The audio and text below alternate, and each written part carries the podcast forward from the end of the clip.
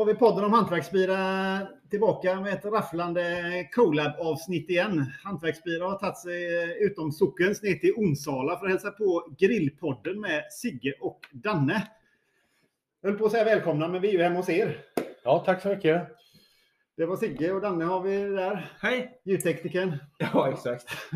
Och så har vi sidekick Johan med, fast nu sitter han mitt emot här. Ja, jag sitter på hörnet här. Jajamensan. Yes. Härligt! Vi Spännande idag. Ja, verkligen. Bärs och korv. bärs och ölkorv för att eh, Ja, till och med det. gör det väldigt eh, solklart vad vi handlar om. Vi har med oss eh, öl från Göteborgs nya bryggeri. Vi har med oss ölkorv från eh, Helmut Walsch uppe i Högsbo. Och vi har ju några ölglas från Artglas Vista med. Annars har ju Danne här skrämt fram hederliga Pripsglas. Och det passar ju utmärkt till Göteborgs nya bryggeriöl. vet du. Ja, eftersom de ligger i Pip- Pripps gamla lokaler. Exakt. Precis. Så härligt. Men eh, Sigge eh, håller på med Sigges barbecue. Och Danne håller på med något annat. Eh, samma sak. Samma sak. Jag är Sigges, Dannes barbecue. Nej, jag är ju Sigges eh, sidekick. Sidekick Danne. Ja, precis. Ja, härligt. Mannen från folket. Bra folk. Sigge är ju den som kan grilla. Och jag är den personen som inte kan grilla och som frågar. Det är det, det, vi kör det klassiska. Har ni stängt av telefonerna? Det. Ja. Ja, Men inte Danne. Jag har stängt av min, tror jag. Ja, precis. Eh, Fantastiskt. Det är här man brukar klippa då. Fast, eh, Det gör vi inte nu. nej, det gör vi inte. Det. har aldrig hänt förut. Nej, precis. Men vi har ju radat upp fantastiskt med först en lite teknisk utrustning. Ni har ju någon knepig manick här och en stor jäkla Ja, vi har ett eh, ljudkort tror jag det kallas. Eh, där man då eh, med hjälp av datorn spelar in. Eh, och man kan då spela in från två mickar och eh, två instrument om man skulle vilja. Ah. Så är det så att du har med en balalaika så kan du få dra en trudelutt sen. Johan, Johan har ju faktiskt spelat trumpet en gång i tiden så det hade varit. Då, nästa är gång vi ses då så kan du spela trumpet Ja. så kan du spela luftgitarr. För att öva lite grann vad han har packat ner. Med tennisracket menar du? Ja, precis. Ja, i vilket fall som helst. Vi ska köra ett öl, hantverksöl mot, eh, ja, kanske hantverkskorv. Oklart, men det Ja, får man alltså, säga. att- all korvtillverkning är ju på något sätt ett hantverk. Eh, sen tror jag att dessa går igenom maskiner, men eh, det är ändå ett hantverk att sätta upp recepten och allting. Så att eh, man får nog ändå säga att det är ett hantverk. Ölen går givetvis genom maskinen med, så, att, eh, så Ja. är det faktiskt. Och sen är det säkert många som undrar vad ölkorv och bärs har ihop med grillning att göra. Eh, men för er som inte har testat att grilla en ölkorv så eh, kan jag säga att det är inte helt fel. Så det ska ni prova. En ölkorv innehåller ju extremt mycket fett. Köper man en ölkorv i affären och sen lägger den på grillen? Ja. Eller så kan man göra den själv. Fast det tar lite längre tid då. Ja. Eftersom den ska lufttorka. Men man kan göra ölkorv själv. Ja.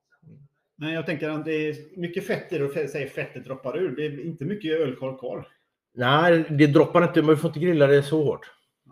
Eh, utan eh, du grillar den. Jag brukar lägga den in direkt. När jag, och jag kan dra en kort historia. Det är, jag grillade på en herrmiddag eh, för ett par år sedan.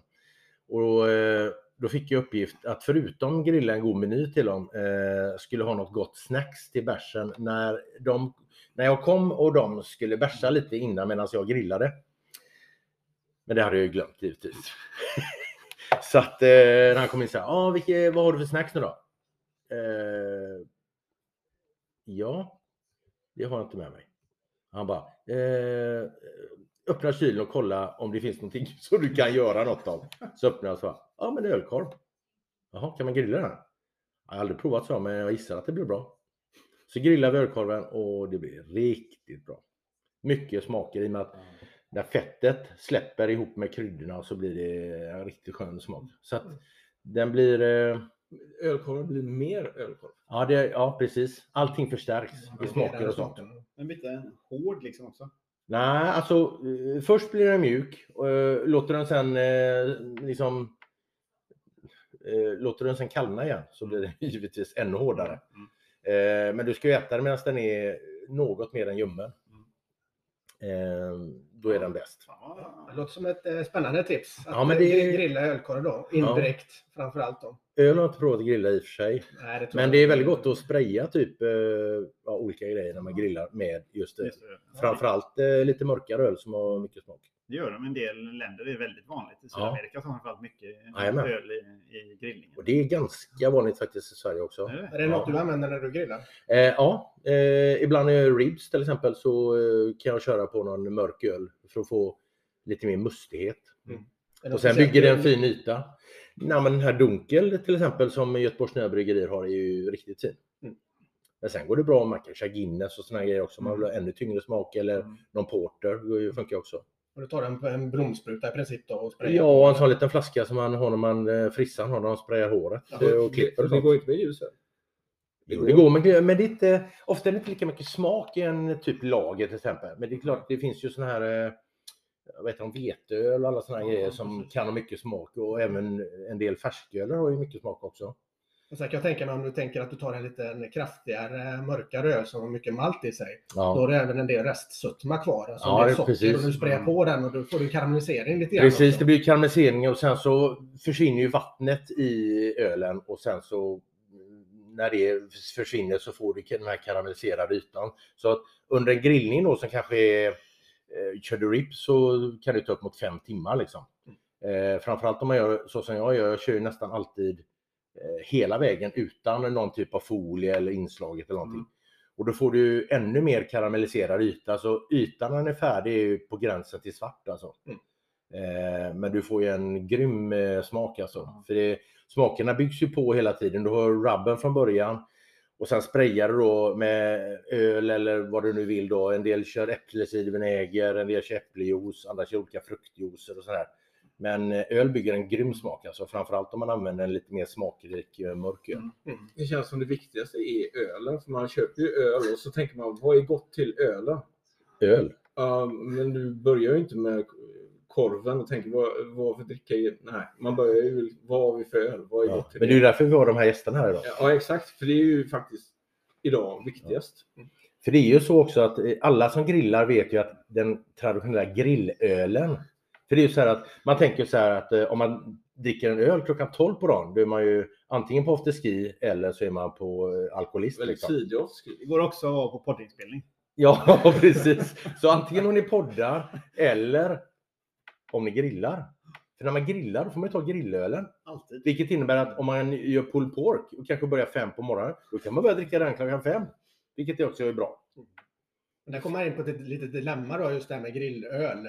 Det känns som det, det ändras ju lite grann med tid. Framförallt det är ju någonting vi själva observerat. Ja. Att ju mer öl du testar och dricker, ju lite kräsare blir det. Och det får också ett dåligt avtryck på grillölen. Det är därför man- inte vi testar så mycket öl. Nej, utan där hade man ju oftast kanske lite enklare, billigare lager eh, tidigare. Och idag så tycker man kanske inte de är lika goda längre tyvärr. Så att eh, där är ett litet dilemma för oss nu då, att hitta ny grillöl Ja, just som det. ändå håller, eh, som ändå tycker är Mm. är schysst då. Vet inte om du kanske har någon go-to grillöl så när du kör? Eh, alltså jag tycker starkpilsen, den vanliga starkpilsen tycker jag är en klassiker. Alltså det, Ja, jag gillar den. ja. Ja, precis. Och även eh, den här vi pratade om innan, den här fruktiga, eh, jag tror det är en IPA. Jag är Ja, inte deras säker. eh, New England-IPA från Gothenburg Brew. Ja, jag tror den heter någonting med Fog någonting. Green Fog eller ja.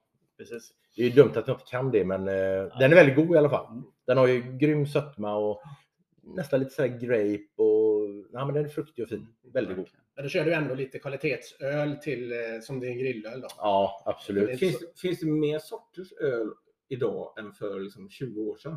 Eh, Definitivt. Definitivt. Det måste finnas oändliga mängder mer. Mycket avarter och hittepå-grejer också. Liksom, Grundstilarna fanns ju givetvis då med. Men, men, men, eh, sen är det väl också så här Viktor att eh, det som har hänt lite de senaste åren är att eh, det här så kallade monopolet på Systembolaget, att Systembolaget bestämmer liksom vad det ska finnas för öl. de efterfrågar ju vissa typer av öl. precis. Ja. ja. Eh, men sen har det också öppnat upp idag alla de här mikrobryggerierna som finns.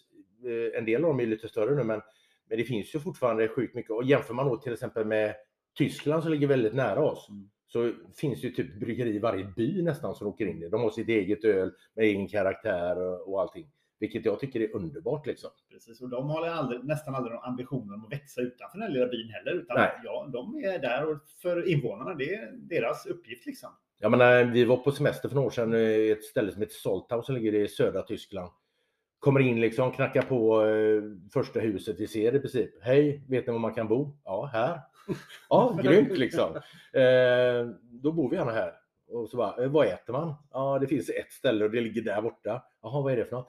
Ja, det är ett bryggeri, men de har även en restaurang. Jaha, Det låter så man perfekt. dricker deras egna öl liksom. Så vi kom dit bara. Jag tror man hade fyra, fem olika sorters färsköl som var helt fantastisk. Och då får du det färskt. precis. Ja, ja, ja, det var helt sjukt. Man eh, satt och ja, åt. I princip in, de hade en del där, som var den gamla delen och där var sådana stora cisterner, Ja, ja, visst. de här stora faten. Man bara, helt sjuka, så, så med, ja, det är förmodligen tusentals liter idag. Ja, Eh, satt man inne i det, så det var ganska fräckt faktiskt. Eh, och sen om man ville kunde man gå någon sån här liten tourvisning då eh, efter man hade käkat då. Så jag var inne och kollade lite, det det var faktiskt väldigt trevligt. Men sen är ju Tyskland så, de är fortfarande ganska traditionella i sin öl. Ja, ja, ja. ölstil då. Så Jajamän. de har ju inte fått lika mycket influenser. Det kommer mer och mer. Vi har pratat med en del mikrobryggare från Tyskland det sista Mm, året mm. och det kommer mer och mer de här, eller de här nyare ölstilarna. Men de är fortfarande väldigt konservativa. Sverige däremot är ju väldigt utforskande. Så att Sverige är ju ett land där vi har i princip alla ölstilar och vi har många mikrobryggerier som brygger nästan alla ölstilar också. Mm. Och konsumenterna är intresserade av att testa olika sorter. Så att det är alltid från eh, eh, vanliga lagers till iper, till nejper, till stouts, till rubbet, även suröl numera. Och vi, vi är marknad... Suröl? Ja, och Vad är det för något? ja, det är en spontanjäst öl. Du kan ju ofta hitta den i, i, i Belgien som har alltså en, en pH som är mycket lägre. Ja. Så du kommer uppfatta den som syrlig. Men finns det gladöl också eller? Ja, precis. Det, Det är- de flesta efter en stund. Även surölen kanske blir en gladöl efter en stund. Ja. Så att eh, Sverige på så sätt har ju varit eh, liksom en eh, smältdegel av ölkultur och ölstil. Där vi inte bara har gått på en, utan vi har valt att embracea många olika. Då. Så att idag finns det över 500 mikrobryggerier i Sverige. Eh, vilket har varit en jätteexplosion. Och för kanske fem plus år sedan så var det kanske 250 då. Eh, Detta får ju mig att bli riktigt sugen på att prova den första sorten här. Mm, Vad faktiskt. tror du det? Ja, verkligen. Och vi ska ju gå ut i rätt ordning så vi väljer ju Göteborgs nya bryggeri eh, alkoholfri starkpilsner. Har de döpt den till. Ja. Ehm, En stark alkoholfri öl. Ja, 0,5 procent. Eh, Vi måste också gå igenom vilka ölkorvar vi har från Helmut Walsch här. Vi har ju den som, om vi tar dem i den ordningen som kanske inte är starkast då. Tryffel och parmesan. Vi har vitlökspinne och vi har jambalaya. Om jambalayan har jag en liten story sen som eh, Heiko på Helmut Walsch berättar för mig. Det ska vi ta under resans gång här. Men eh, vi hade ju lite disaster här med en av flaskorna så vi har inte så mycket av den här alkoholfria. Men vi tänkte Vilket är räcker. tur för att inte bli för nyktra. Ja, precis, men vi fick inte spä ut det med för mycket. Nej, precis. Eh, doftar man på den så doftar den eh, lite karaktäristiskt. Så Ja, när man tänker upplägget nu då, så planen är ju att testa egentligen varje öl mot alla korvarna. Då. precis. Och så eh, får man väl tycka och tänka lite grann vad man tycker, vad man gillar och vad man inte gillar. Och ni som har eh, mer koll på öl än vad vi har. Eh, ska vi börja liksom dofta och smaka ölen först eller tar vi... Alltså, det En här, liten vi korv kör först. inte en regelrätt ölprovning utan för det kommer sabbas av eh, korvsmaken ändå. Så Ja, att jag tänker att vi kan ta en korv, lite öl, en korv och lite mer öl. Mm. Ja. Det är bra. Men då tycker jag vi börjar med tryffel och parmesan här. Mycket spännande. Som eh, vi bjuder Viktor här först så. Två bitar där. Vad säger du när du har doftat på den här ölen Johan? Visst doftar det precis som i bryggeriet? Ska du ha en till eller? Vi har ju rätt mycket korv så att eh, var inte blyga här. Nej. Danne? Ja, du sa det att eh, doften på denna eh, Tack. alkoholfria ölen eh, luktade mycket som när vi besökte Göteborgs nya i våras. Presis. precis. Och eh, då fick du upp de tonerna från eh, maltkvarnen. Ja, princip, va? jag skulle säga eh, att det lite doftar samma doft. Den här doften får du inte så, eh, så mycket annan alkoholfri öl. Utan eh, du får en annan typ av maltsötma nästan där. Men här, Ja, det är maltsötman som man känner. ja, jag Ja, tycker det är inte det är så, den är inte så söt som det brukar vara. Men det är svårt att dofta sötma. Men, eh, mm. Men det är just malttonerna kommer fram i doften mycket på den här tycker jag.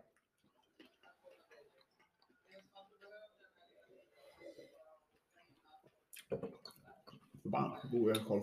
Får man sörpla lite grann när man dricker öl? Ja, är. Jag tycker man känner smaken lite mer när man... eh, Mm, det stämmer. Blanda in lite luft i munnen och känna vad smakar mer.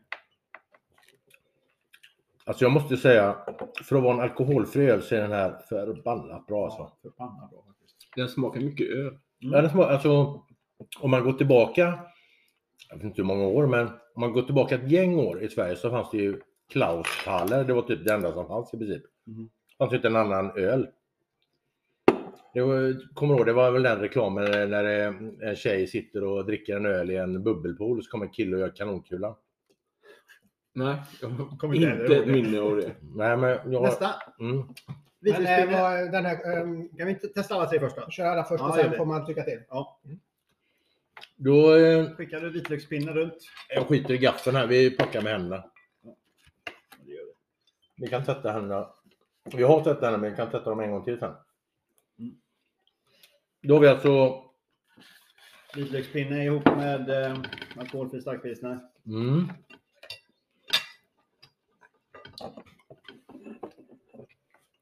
Undrar hur eh, knepigt det kommer bli att lyssna på det här. Jävla ätande. Ja. När jag tänker... Du vet när man står och lagar mat till exempel. Mm. Jag brukar la- eh, lyssna på ganska mycket poddar när jag lagar mat. Ja. Jag tycker det är ganska trevligt att ha det här liksom med... Folk snackar lite gott i bakgrunden så. Ja, så Så jag tror att det är så det kommer bli här. Det är klart att det var ju en, skill- en, en skillnad här eh, definitivt eh, Mm. på korvarna. De, eh, den här ölen tar ju inte överhand. Så korvarna spelar ju ut lite bättre tycker jag. Du får ju mer smak av korven än ölen i de här. Ja. Jag Jag tycker den Den här, här- jag den tycker den, här, den pajar ju liksom inte korvsmaken. Nej, Nej. men den här tycker jag är, är mycket mildare faktiskt. Vi- Ja, kanske inte mildare, men den är inte lika smakrik som den första. Nej, Om vi pratar inte. om korven nu. Nej, för jag, på den första så skrev jag liksom att ölet fick en underordnad roll. Och på den andra så skrev jag liksom att vitlöken nästan fick en underordnad roll. Precis som du säger, att den är inte lika smakrik. Man känner ölen mer när man eh, smakar på den här tycker jag. Och om man vill skriva någonstans skiter man i det. Nu testar jag jambalayan också här. Johan, lite jambalaya. Ja. Det är god lunch det här idag. Danne, Tack. du skriver Oj, vad mycket jag fick. Meningen. Vilken otur! Vilken meningen jag skulle få. Vilken otur att jag fick en sån trippelkorv. Det var lite mer tryck än här. Såklart. Rätt så mycket. Mm. Mm. Det ska bli intressant att matcha upp den sen med någon... Vi kan dricka lite vatten nästan. Till. Kände nästan inte någon ölsmak alls kvar. Ja, Faktiskt. ja, men den raderar ju mycket. Ja. Definitivt. Jag menar, du får ju inte ja, mycket. Du får ju, är inte mycket av bäskan kvar, inte mycket av maltkroppen. Även om den var liten från början så kommer den... eh, Den försvinner ju. Eh, Kryddigheterna tar över mycket, mycket Ja. mer. Verkligen. Jag tycker även, även eh, fettet som du sa tidigare i korven. Ja. Det känns ju i alla tre ganska mycket och det, den, den behöver ju mötas upp på något sätt med Ja. ölen känner jag. här. Eh, För den spelar ju ganska stor, den dominerar lite grann nu. Det gör den. Och sen tycker jag framförallt att de korvarna som har mest smak här, det är ju tryffel, parmesan och jambalaya. Eh, de behöver nog en lite kraftigare öl, Mm. skulle jag säga, för att lyfta mer. För nu känner man på de, eh, eh, de här lite mer krydd, kryddiga då, som tryffel, parmesan och jambalaya, så känner man i princip inte ölsmaken nästan alls. Den är väldigt underordnad. Däremot med vitlökspinnen, eh, då känner man ju ölen bra. Tanken är ju att 1 plus 1 ska bli 3. Liksom. Det är Ja, det precis. man vill uppnå med kombinationerna, att det ska lyfta varandra. Jag vet ju hur jag tycker, men det ska vi ta sen. Det kan vi ta sen. Ja, precis. Jag tycker att vi inte mycket spara på, utan nu har vi ju din farbror här då, eh, Sigge. Brukar du köpa den i glasflaska eller brukar du köpa den i burken? Det Nej, jag köper flaska. köper Jag flaska. gillar flaskan. Det finns bara i storflaska, va? Ja. Halvliters. Eller även i 750 faktiskt, om man vill ha en. ja, det finns ännu större. Det står det Göteborgs stora på istället. Ja, just det. Det Just det. roligt faktiskt. Ja, nej, Ja, kan- när vi, eh, jag börjar faktiskt med en liten sipp på Ja. ölen och Och en den, liten... eh, Ska man rulla den så här som man gör med... Det kan man göra om du vill göra. släppa lite För jag, jag känner att när man rullar lite så skummar det lite mer. Och, frisätts det lite mer. eh, Aromer framförallt. Den är ju 5,7 procent så den är förhållandevis stark. Den går också som internationell eh, ljuslager. Den här faktiskt. Lite Eh, ovanligt. den här är ju mycket, mycket mer smak. Lite ovanligt, ja.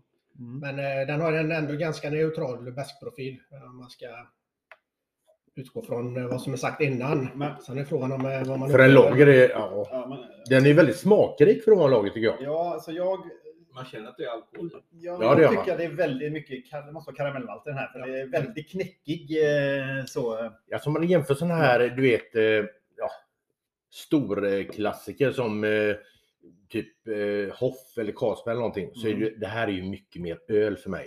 Det här är alltså, det är mycket mer smak. Här känner man liksom i Det händer ju munnen. någonting i munnen. Ja, det händer någonting i munnen, precis.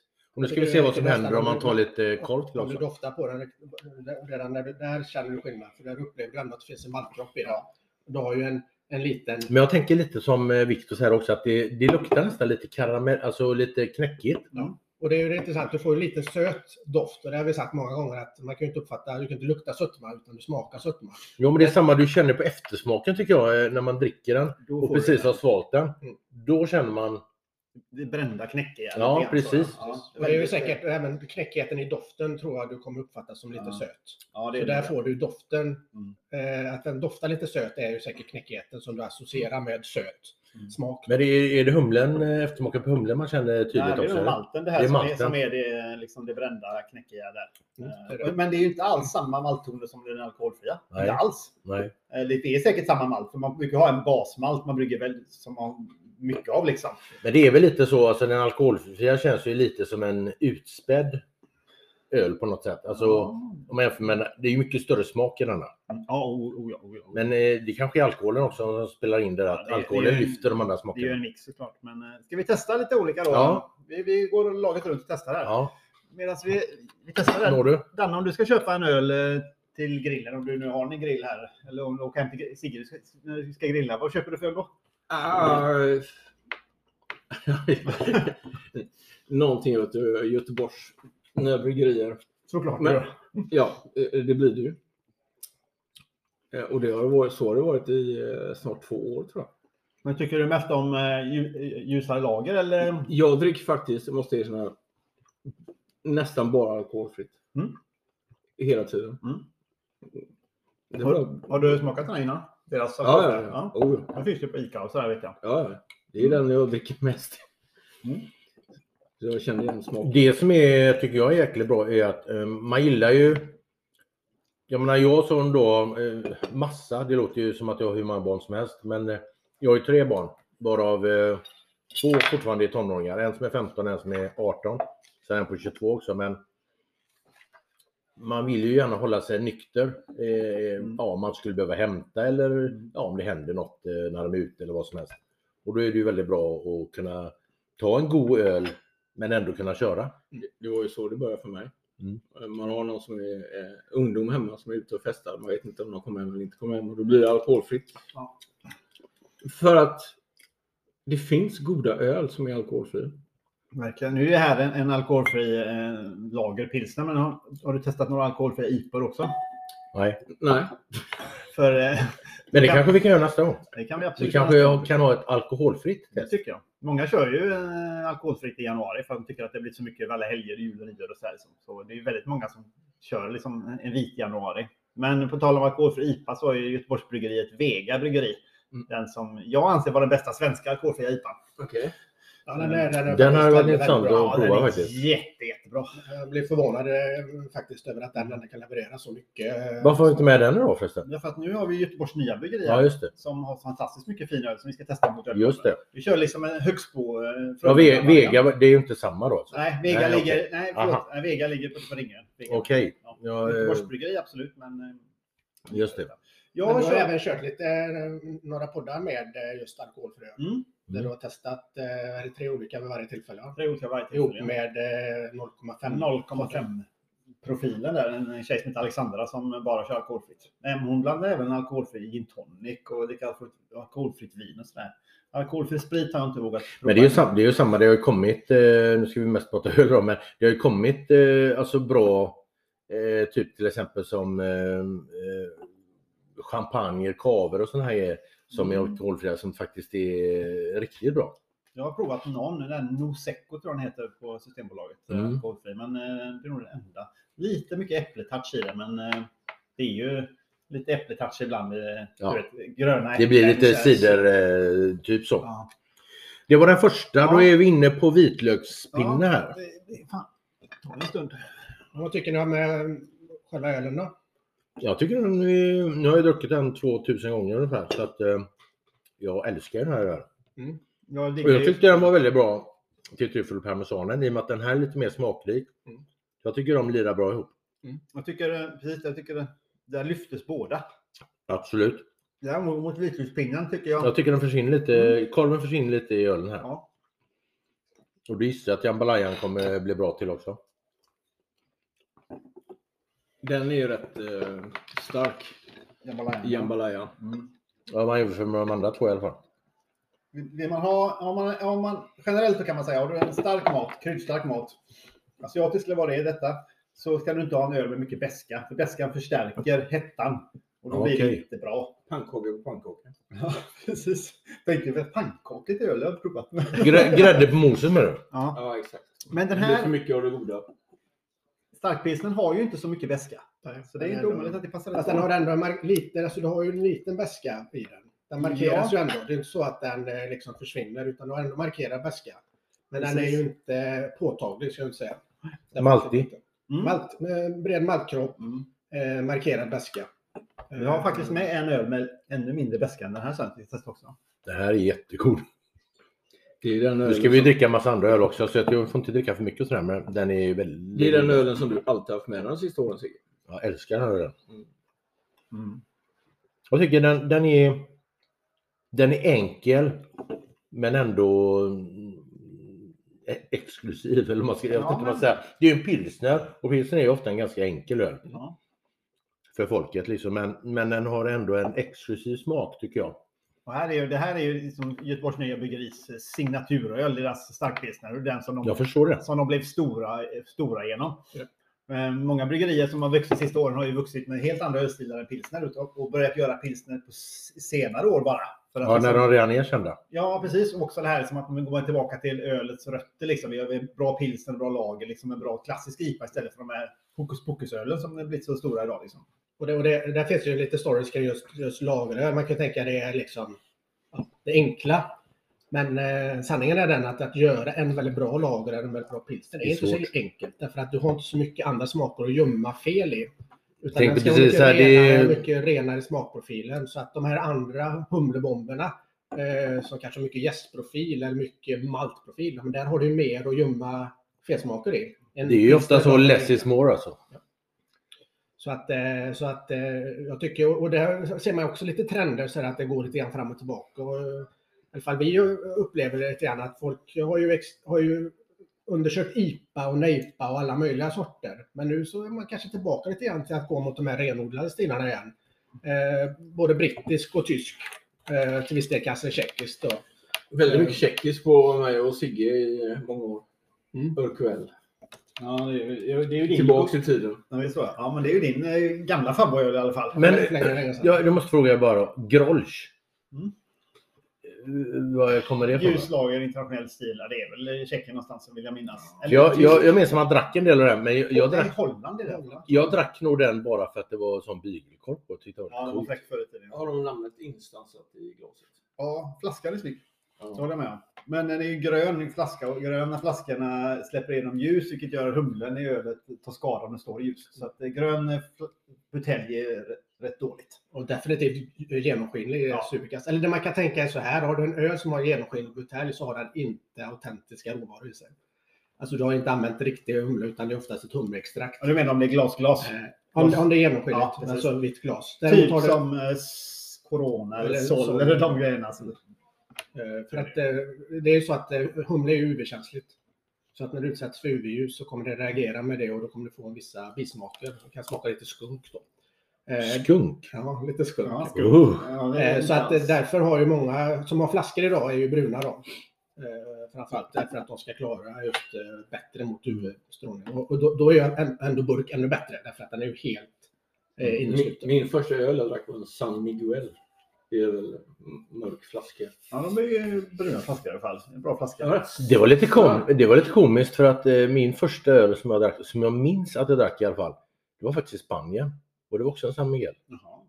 Då kan du få hämta Sigge fyra nya Ja. glas i kartongen där borta. Yes! Och jag bara sitter där. Du, sitter, ja, men du, är, du är ju värd för fan. Du får ju sitta och ha det gött bara. Nu ska jag langa fram eh, nya öl och då kan du öppna Sigge här. Nu kan vi läsa också vad det är för öl där. Pils. Pils från eh, Gothenburg Brew. Det är alltså Göteborgs Nya Bryggeris eh, andra märke. Och där har vi ju bryggaren Linus som är eh, ansvarig både för bryggningen och för produktutveckling och alla de grejerna vad gäller Gothenburg Brew.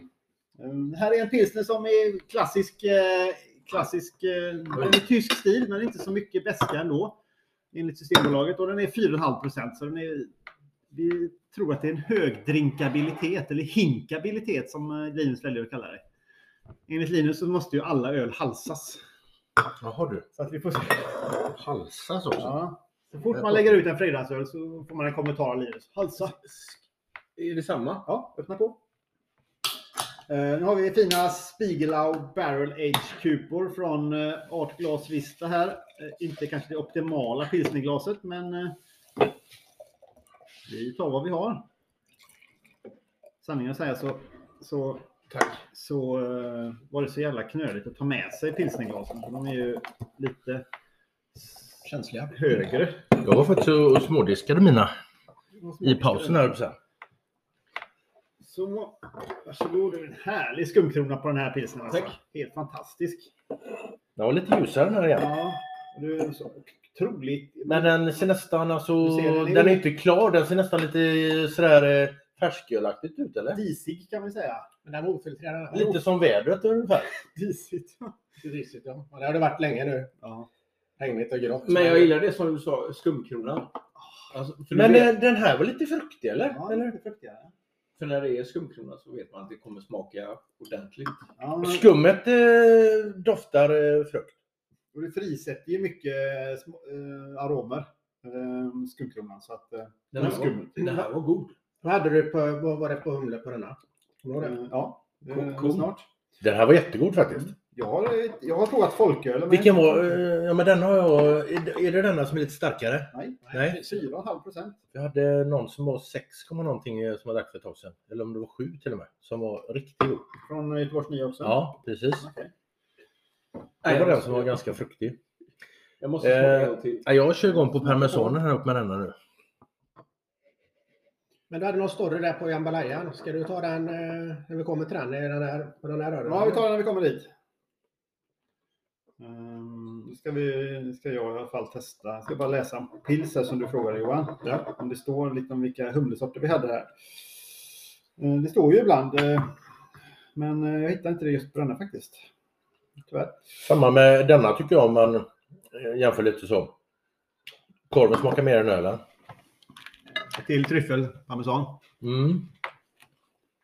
Upplever jag. Den är rätt så lik starkpilsner. Men lite mer av malten som kommer från en eh, alkoholfri tycker jag. Känner igen. Jag tycker det är lite tyngre smak på pilsen faktiskt. Fylligare.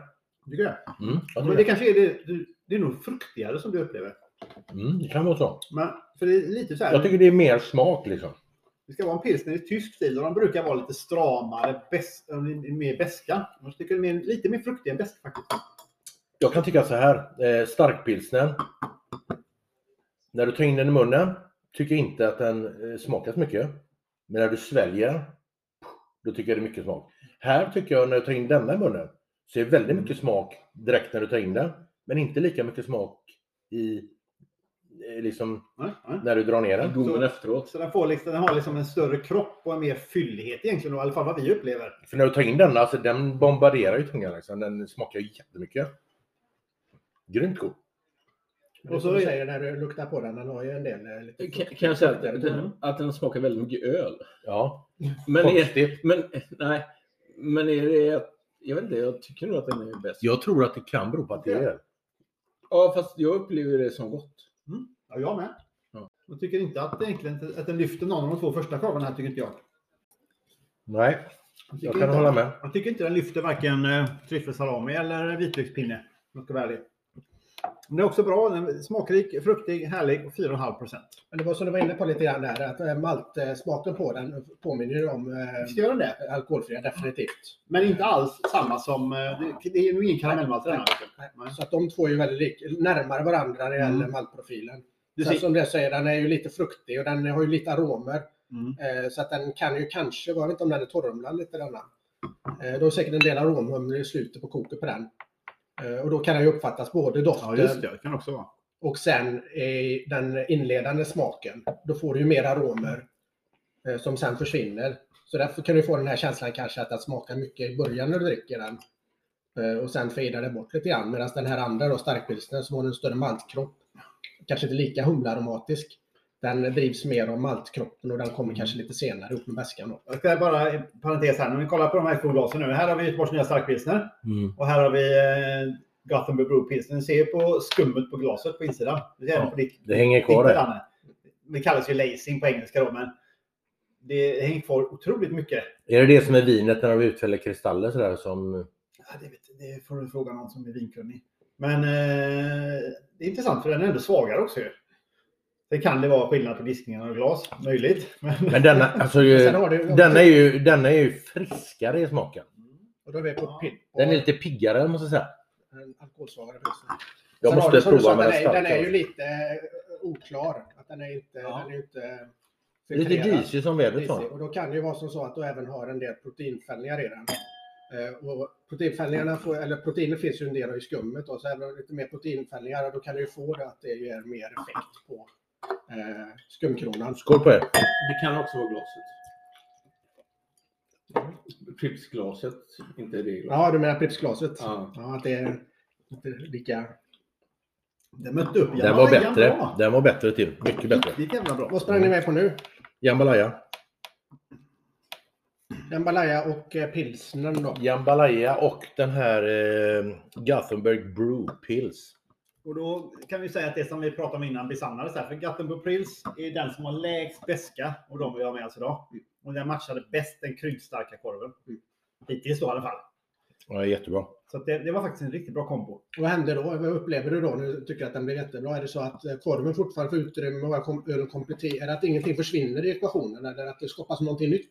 Jag tycker att här, det som är gött med den här är att här känner du full smak på ölen och full smak på korven samtidigt. Men kapa lite, lite beskan tycker jag. Ja, Nej, ja. Inte beskan, men hettan. För jag är lite så här Ja, det gör det. feg, dålig vad gäller hetta. Jag kan, du vet, käkar jag mycket stark mat och börjar svettas och grejer. Liksom. Det är jätteklent. Det gör jag med, fast jag gillar ju stark mat. Ja, ja. Kanske inte för stark mat. Men eh, Du går ju fan och knaprar på chilis. Jo, jo, jo, i och för sig. Jag kan berätta en kort historia. Jag var eh, eh, en gång i tiden jobbade jag på markisföretag. Skulle äta lunch borta i någonstans borta för Sävedalen. Det låg ett litet sån här thaikök eh, längs vägen. Tänkte jag, där smiter jag in. Och så säger jag till henne eh, där inne, så, har du något starkt? Ja, nummer nio är starkt. Ja, okej. Jag tar nummer nio extra stark. Och så tittar hon på mig och är du säker? Jag bara, ja, jag är säker. Är du riktigt säker? Ja, jag är riktigt säker. Okej, så. Jag förstår vad hon frågar efteråt kan jag säga. Eh, Men jag är ju så här också. Om jag har bett om extra stark, då kan jag inte säga att jag inte kan äta upp det. Så att jag bet ihop och åt det.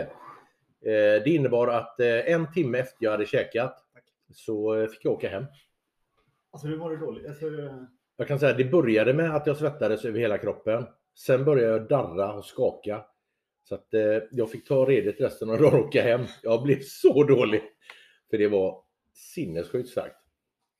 Och jag borde inte ätit upp det med fast i hand, men eh, ja. Så gick det då i alla fall. vad tycker du om stark mat, Anne? Jag älskar eh, stark mat. Du gör det? Ja, ja med kryddor. Det gör jag.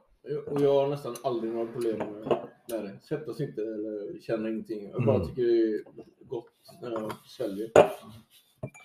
Ja, härligt. Ja, jag, jag, tycker, jag tycker ofta, smakrik mat tycker jag om. Typ, om man ska ha med mycket kryddor så är typ marockanskt och sådär är väldigt mycket kryddor liksom, utan att vara svinstarkt. Och det diggar jag, men inte en thai, du vet, gå till thai och så finns det tre chilifrukter på liksom. Tänker jag, nej, nej, det där är inte för mig. Så mina, mina thai-menyer brukar krympa till två, tre rätter där det inte finns någon chili på. Dem tar jag. Ja, men det är alltså Chili kan ju lyfta mat, men det kan också döda mat. Ja, för jag, i min mun gör det. Alltså, många av de här som är de som är såna här chili-nördar. Jag känner en del sådana. Och eh, när jag har varit med dem ibland eh, på deras odlingslotter och sådär så lurar de i med alla möjliga grejer. Och jag kan säga att det slutar inte alltid bra liksom. Jag var på en eh, sån lott vid ett tillfälle och så grillade vi lite korv och så kollade vi lite på vad de odlar och, och så här. Och så sen, ja, tagit fram en ny sort som heter Black Annika. Det var hans Annika hette fru, eh, hans fru. Och den här var lite nästan svart i, i färgen. Så är den stark? Nej, nej, nej, den är inte stark. Så jag tog, bet av halva ungefär, tugga och så svalde eh, nästan med en gång och jag kan säga det ångrar.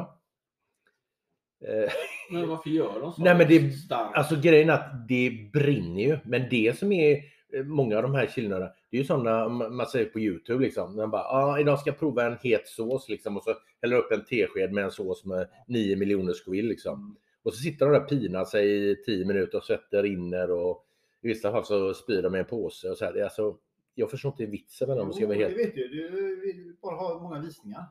Ja, ja, okej. Men hur jobbar du med, med chili? I, i den, Alltså, eh, en av mina bästa kompisar heter Kent eh, och bor uppe i Stenungsund. Han startade Chiliklubben på nätet som idag har typ 50 000 medlemmar. Eh, och vi har hållit ett antal chiliätartävlingar, senast nu i somras, eller senast nu i höstas i september på Skördefesten i Tjolöholm.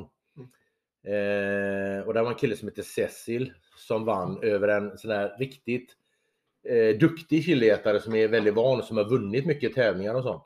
Men den chiliätartävlingen, hur går den till då? Alltså att eh, ät, eh, alla ska äta en Alltså det, det, går och till, det går till så här. Du har en, eh, en eller två hetsande konferencierer. Som i detta fallet var jag Kent.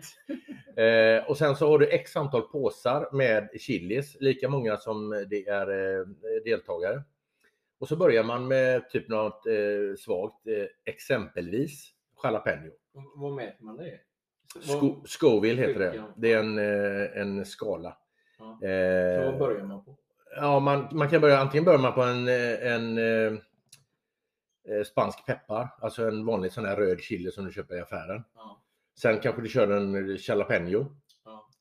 Eh, sen ofta hoppar du nästan direkt till en, ja du kan gå på en carbonero eller något emellan. Men sen hoppar du nästan upp på habanero med tredje eller fjärde.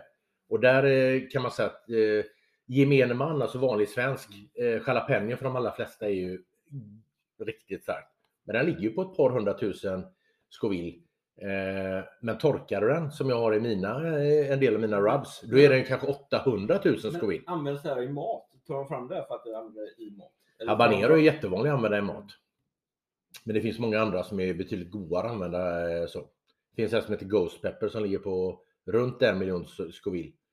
Eh, Så, så själva tävlingen går ut på att den som klarar att äta... den som klarar att äta flest utan att eh, vomera eh, är den som vinner. Utan att... Vomera, det är ett finare ord för ja, att okej, Jag förstår, jag förstår. Du behöver inte förklara det. Nej. Eh, Förfråga där. Eh, Ja. Du röker en eh, chilifrukt ja, så blir det en härlig rökig arom och använder maten och smak. Men minskar hetta. det minskar detta. Ja. Ja, för du får väldigt mycket smaker tycker jag fortfarande från den. Det är samma, eh, det är inte många som vet, eller det kanske är många som vet, men eh, om vi säger att du gör en, en eh, typ Texas chili, alltså en riktig Texas chili, du får inte kalla det Texas chili annars. Den har ju bara kött och chili. Och sen är det i och för sig kanske vatten eller öl i, men du har inga bönor eller bacon eller massa andra grejer i, utan det är kött och chili som du kokar ihop. Och skulle då, som jag då när jag gör eh, Texas chili, så gör jag den alldeles, alltid alldeles för stark. Så att jag inte kan äta den. Och ingen annan eh, i min familj heller. Utan det är Danro som får ta det. Ja, knappt så- han så- heller. Eh, men eh, det som är är att om du då låter denna grytan svalna och sen kokar upp den igen så tappar den jättemycket styrka. Mm. Och skulle det mot förmodan vara för starkt då så kan du låta den svalna igen och koka upp den ytterligare. Jaha, Så varje gång du värmer upp den så tappar den i, i styrka. Eh, ja, det var lite om chili. Ja, du, eh, innan bara, vi behöver ha nya glas. Johan, du behöver ett tomt. Och Danne, du behöver ett. Ja, men det där är ju mina två. Det där är mina två. Ja, fast jag har ju sköljt ur dem. Så Ja, att, alla eh, vill väl inte ha dina jävla pasiller? varför inte det? Du kan börja. Fram nu har vi... Här är ju en av mina absoluta favoriter från Göteborgs nya bryggeri. America Hoppy Pale Ale. Och Jag ska ärligt säga att jag eh, avgudar den här som folköl, 3,5. Eh, Jag har inte provat den som starköl. Du, den att, är eh, fruktansvärt bra. Folköl är extremt bra. Jag tycker folkölen är så bra så att den smakar som starköl. Så det ska bli mycket intressant att känna den här. Och nu höll jag på att göra så här, fast det gör man inte. Nej, du häller mer sådär. ja, Precis. Ja, så Jag tycker det är gott när man häller så, så man hör ljudet i mikrofonen. Ja. Så tänk på det när ni häller upp nu, att det ska låta i mikrofonen. Så Johan, du ja. häller upp så mycket till dig. Du ska ändå bara spotta. Jag tänker på alla ni där ute i etern nu som kommer lyssna på oss sen. Vad avundsjuka ni kommer vara när vi sitter här och poddar och dricker öl. Och äter fantastisk ölkorv till. Och testa den här Tack. underbart goda ölen också. Men här har vi då en America då, så att det här är ju en... eh, Det De, som de kallar den för Amerika eller Amerika. Det är apostrof och M, inget A med. Men innan det, jag var tvungen att snacka historien om jambalaya. Jag har ju träffat Heiko på eh, Helmut Walsch Heiko Pott. mitt i eh, produktionen där. Och jambalaya då, under väldigt, väldigt många år så tillverkade Helmut Walsch korven jambalaya åt Ridderheim. Alltså Ridderheims ölkorv känner man ju igen allihopa. Jajamän, Och det gick under Ridderheims namn, men det var Helmut Walsch som tillverkade den. just det. 20 år ish. Och den är ju storsäljare för jambalaya. Eller förlåt, för Ridderheim. Och, eh, Men heter den Jambalaya Riddenheim- Riddenheim Mm. också? Mm. Ja, det gör det. Men det var ju det som deras märke tänkte då, eh, tänkte Ridderheim. Så när Ridderheim helt plötsligt märkte, bestämde att ah, nu ska vi börja tillverka den själv istället. Så fick de inte Då fick- receptet. Jo, det fick de. Och, äh, de fick kanske inte receptet fullt ut, för det var många som hörde av sig och tyckte att den smakar inte som de brukar göra. Jag är svårt att tro att de ger bort receptet. Ja, och då började ju, det insåg ju Helmut Walsch att fan här, vi, vi kör jambalaya själva istället då. Eftersom eh, vi, vi gör det bäst. Vi sitter på en guldgruva. Precis, och så gjorde de det. Men då eh, stämde ju Ridderheim dem. För att de tyckte att vi har ju namnet jambalaya, det är vårt namn tyckte de. Men sa Helmut Walsch, det är ju inte alls, för vi har ju receptet och vi har ju gjort det alla år. Så att eh, Helmut Walsch vann. Och nu menar då så har de ju på sin etikett här, jambalaya originalet. Mm. Och eh, den är deras storsäljare idag. Eh, och de tycker, nu har vi inget korvpaket framför oss, men eh, vanlig ölkorv hänger ju nästan alltid styckvis eller trepack uppifrån och ner. Medan de här korvarna från Helmut Walsch, de blir ju liggande korvar i paketet. Just det. Så de tycker att ja, men det, det, det är sådana vi är. Vi är lite grann på tvären. Tyck, tyckte han. Så att, Jag tänkte inte jag på om du har helt rätt det. Ja, men faktiskt. Men det, det är ju ganska bra egentligen. För jag är ju också lite på tvären. Jag går ju emot alla principer hela tiden. Eh, Jag har ju ätit den här i flera år fast... fast Riddarhems. Ja, exakt. Ja. För, för innan så fanns det ju bara... Och vi satt ju, eller vi satt ju, jag satt ju undrade innan, eh, för att det var det jag skulle ringa Heiko om, eh, om den är lufttorkad, kallrökt, varmrökt och så här. Men det står ju på förpackningen här. Varmrökt och lufttorkad. Ölkorv med behaglig sting. Så här har vi svaret. Varmrökt och lufttorkad. Originalet jambalaya. Precis. Men eh, nu eh, snurrar vi runt lite på kupan här och eh, vi- låter skummet skumma till och så sniffar vi lite Vi sen. kan ju också få lite mer info om den här, för här vill jag minnas att det stod vilka humlesorter det var Johan. va? Var? Här, här doftar ju mest av alla öl hittills. Den här har mycket aromer. En helt annan typ av, av öl. Och det här kan jag också säga, det här är Frippes favoritöl. Och för er Frippe? som inte vet vem Frippe är, så är det min gamla cykelreparatör. Ja. Han älskar det här, så ibland så betalar jag honom med öl. Ja, det är också min gamla pizzabagare. Ja, just det. Snacka Jag har också varit pizzabagare faktiskt. Snacka om Cykelreparatör. Mångsysslare. Jag har faktiskt också varit pizzabagare. Eh, I och för sig bara eh, typ ett några månader. Okej. Jag provar med eh, tryffel parmesan. Jag med. Jag tar två bitar på en gång, det är lika bra. Men här har du antagligen en öl som kanske är lite, lite mer humletoner i den. Mm. Du har framförallt den här lite mer tropiska frukterna. En, en apa är ju amerikansk humle i och amerikansk humle har vi oftast mer eh, fruktighet och tropisk frukt och kanske även lite tallbar. Touch. Jag tror inte det var så mycket tallbar men det är mer att de eh, fruktigheten i alla fall. Jag skulle säga, Den här var ju grymt bra till tryffel och parmesan. jag tycker inte ölen smakar så mycket. När du tog tryffel parmesan. Tryffel parmesan tycker jag har varit underordnad i många av de andra, men här så tycker jag att tryffel parmesan tog över. Men sköljde du ner den? Eller, eh, Ordentligt. Jo, men alltså om du tar in så här. Ta in och tugga. Inte så här. Bara tugga så att fettet och det här. Och så har du kvar den i munnen. Och så tar du en chip. Sköljer lite. Och sen sväljer. Ölkorven är jättegod. Men jag tycker ölen, jag tycker ölen är godare utan korven. Faktiskt. I min mun. Jag kan inte hålla med. Nej. Jag tycker det här var otroligt bra. Det är ju det som är det bästa. Att man tycker olika. Personliga preferenser. Den här var fantastisk med tryffel och parmesan.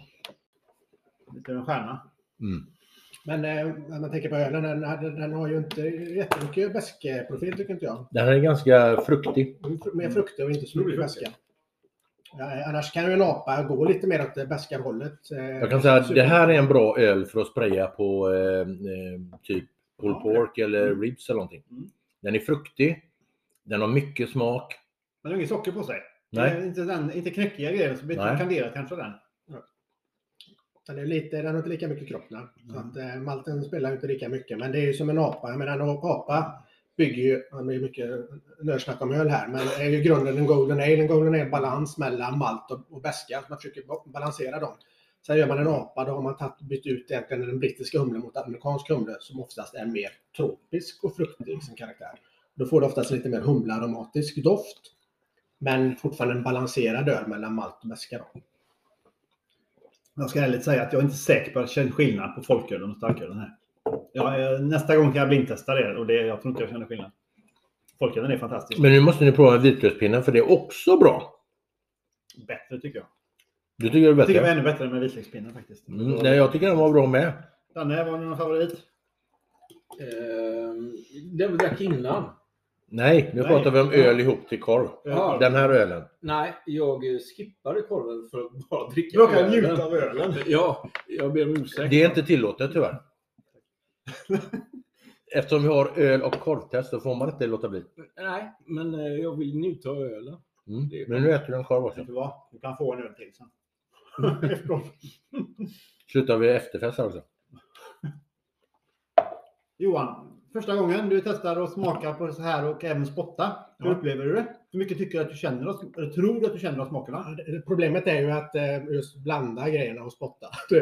Eh, Alltså ha öl och dricka öl och korv är nog lite svårare om man ska spotta. Definitivt. Men eh, jag tycker ändå du upplever ju eh, Mm. smakerna. Det du inte får är kanske den här eftersmaken som du ofta får när du liksom ändå, ändå sväljer. Då får du ju ibland kanske lite mer beska, du kanske får lite mer kropp och det här. Det är ju lite svårare att ta. Vad tror du om Taxi Göteborg då? Vad sa du? Taxi Göteborg. Ja.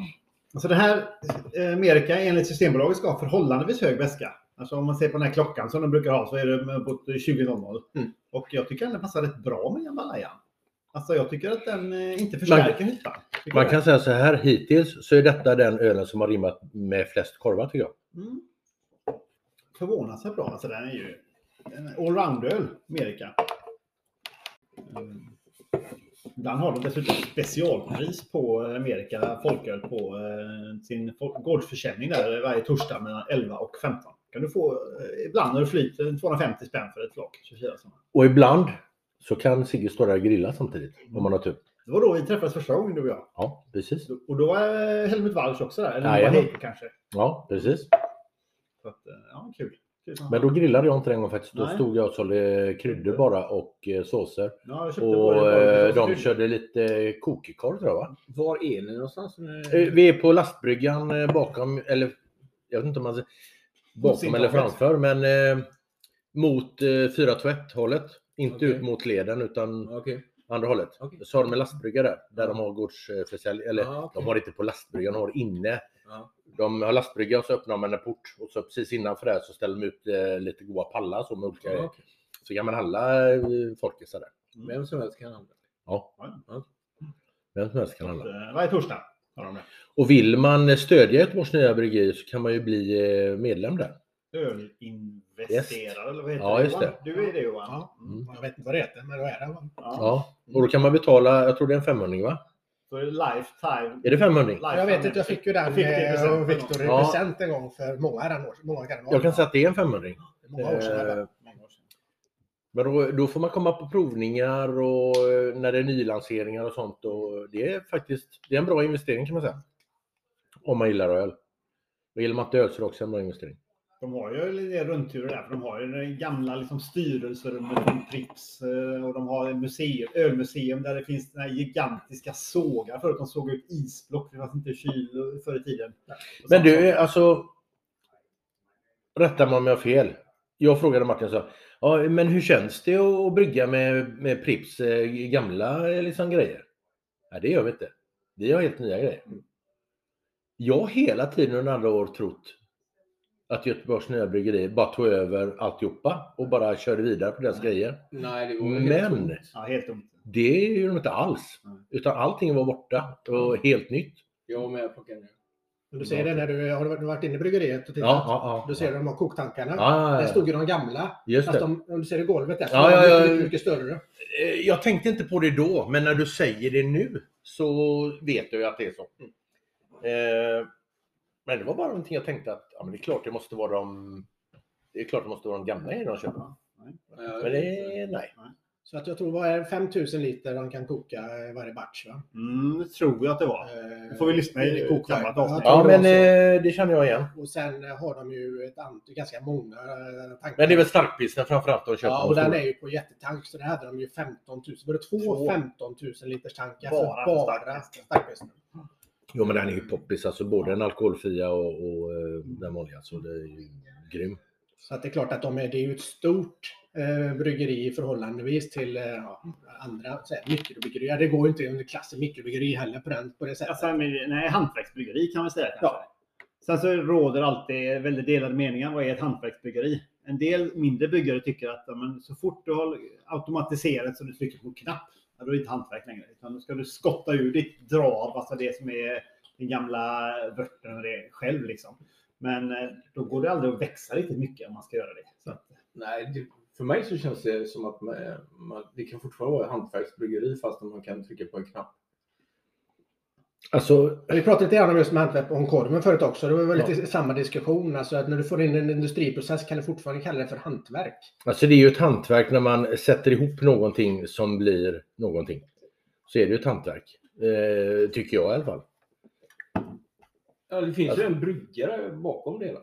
Ja, det gör det och det är ju samma när det gäller kryddor liksom. Det finns en gubbe bakom som har satt ihop recepten och och blandat ihop de här grejerna. Så att det är ju alltid ett hantverk alltså. Det går inte att komma ifrån. Jag vet, det, vi har ju diskuterat lite grann fram och tillbaka i det också. Ibland så kanske man fastnar på det här med att om man ändå sätter råvaran i centrum. Det är det viktigaste, att du har en bra produkt. Så är Och det. det är det som är eh, det som driver verksamheten. Och Ja, men- då jobbar du mer hantverksdrivet än bara industrialisering. För är det bara industrialisering då handlar det bara om volym och få ut så mycket som möjligt till så stor marknad som möjligt. Mm. Men om du bryr dig om din grundprodukt och vill växa den utifrån bra råvaror och bra villkor. Mm. Men då jobbar du på ett annorlunda sätt. Eller vad? Och det är väl där kan man eh, tänka som, som saker och ting skiljer kan jag tycka. Eh, nu är jag lite partisk i och med att eh, jag driver ett eget kryddföretag. Men eh, om man jämför mig med någon stor drake, jag behöver inte nämna några namn, så, så är ju min, min krydda, det är ju ett hantverk. Kan jag tycka. Medans de här jättestora, det är mer en industri. men du maler ju dina egna... Jag mal mina grejer själv. Eh, De gör ju förvisso sina recept själva också. De har ju en avdelning med x antal människor som sitter och tar fram de här olika smakerna givetvis. Och de är ju hantverkare i sig. Eh, Men det är väl också det lite det här som jag kan tycka då att kanske ett förhållandevis litet bryggeri som Göteborgs bryggeri ändå är, om man jämför med de här eh, jättestora bryggerierna, så är det ett mer ett hantverk. Är vi klara med märk eller? Ja, du och jag har glas. Ni har inga, inga rena glas. Ska jag gå och skölja glas för er Jag kan ta... eh, Du kan gå och följa. med minst. Så eh, går vi. Vi har ju gått in på Ale redan, Amerika som är en Pale Ale. Nu har vi en India Pale Ale som är, går under. Alltså jag, jag förstår namnet. Jag är inte så förtjust i namnet. God-IPA. Det låter lite kolligt. Lite, Det är kolligt. Det är kolligt. Det är kolligt. Och Och det är att- nog det som är tanken också, att det ska vara lite Göteborgs så. Men jag tror att det låter nästan lite gubbigt. Nej, ja, det är lite Colada är det. Ja. Lite god-IPA. Det ska vara lite Göteborgs och lite god-IPA. Ja, ja, kanske. Är det den på, på E nu? Merika låter lite mer eh, amerikanskt. Ja. Det är lite mer eh, god-IPA. Men Vad, eh, är det den vi kör nu den? Ja, du kan börja hälla upp till dig och Johan där borta. Så kan du hälla upp till dig. Så- ska jag ta fram... eh, Jag tycker det är så gott när vi har de här ljuden hela tiden. Ja, underbara. Lyssna här nu, goa Inte vänner. så mycket. Inte så mycket med Ni hör ju vad gött det låter. det. Det låter som en riktig god-IPA. Goipa var väldigt, väldigt länge sedan jag drack. Men äh, återigen, när man kollar lite grann på Systembolagets sida här, att så Göteborgs Nya Bryggeri, de är rätt så mo- modesta prissättningar. Den här som ändå är då 6,5 procent, det kostar 27,20. Det är väldigt, väldigt, eh,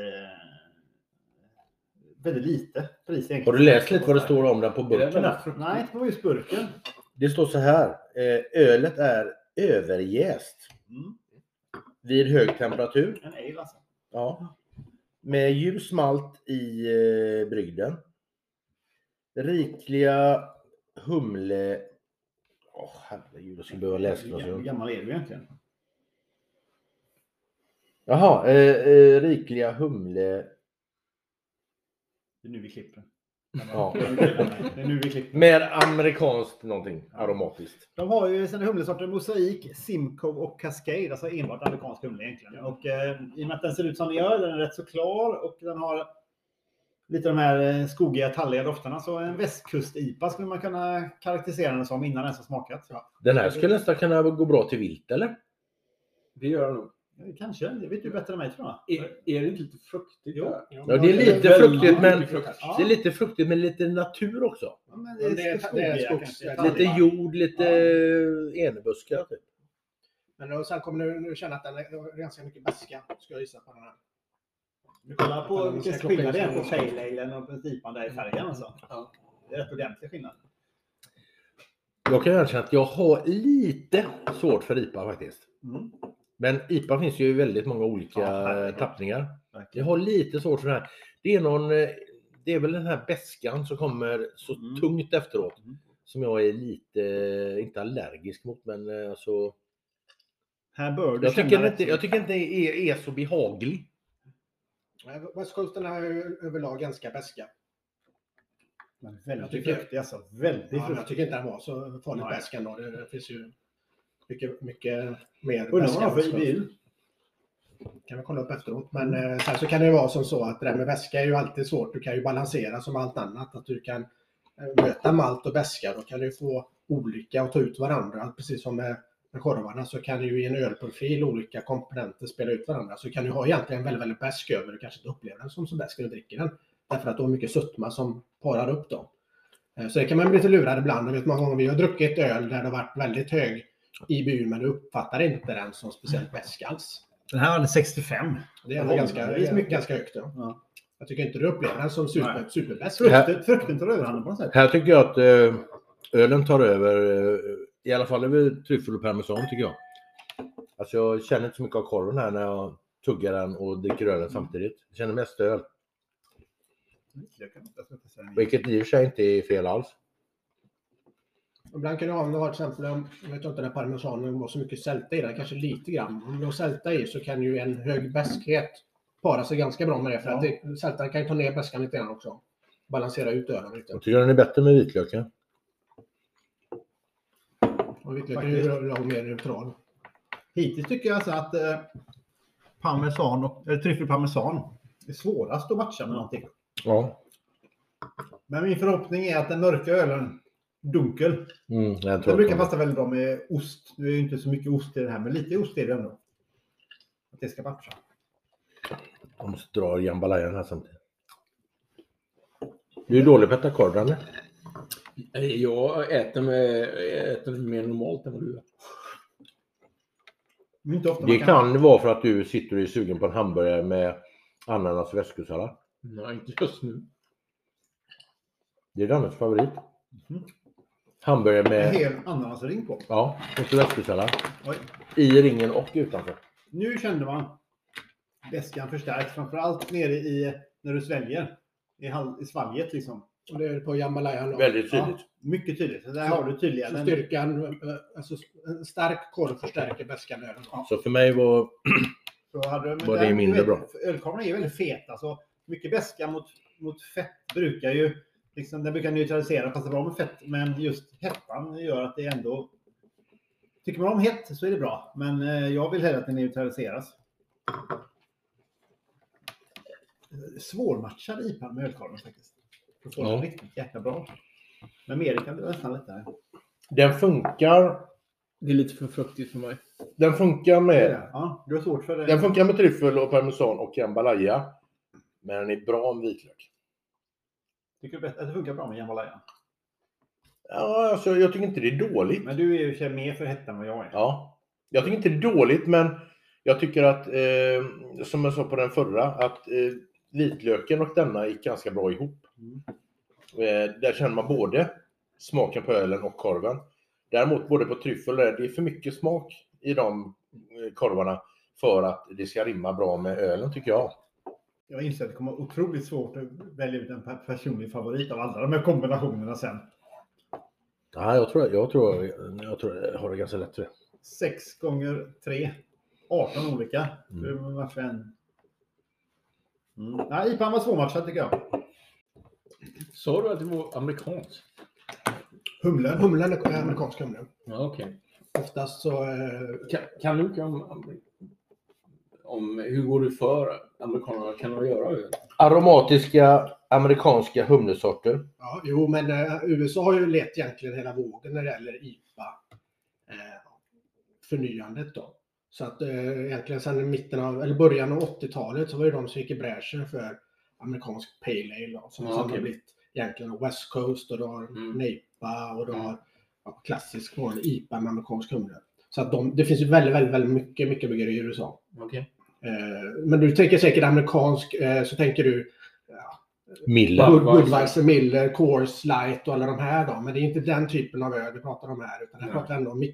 mikrobryggerier. Mm. Ja, till viss del. Sierra. Nevada så är ju stort idag va. Men det var ju de som var stilgrundare för Pale Ale bland annat. Då. Så att USA har ju varit ett föregångsland faktiskt när det gäller Okej. IPA-vågen då.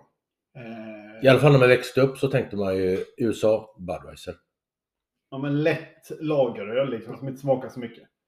Det är det klassiska med Budweiser och, och Making Love in Canut.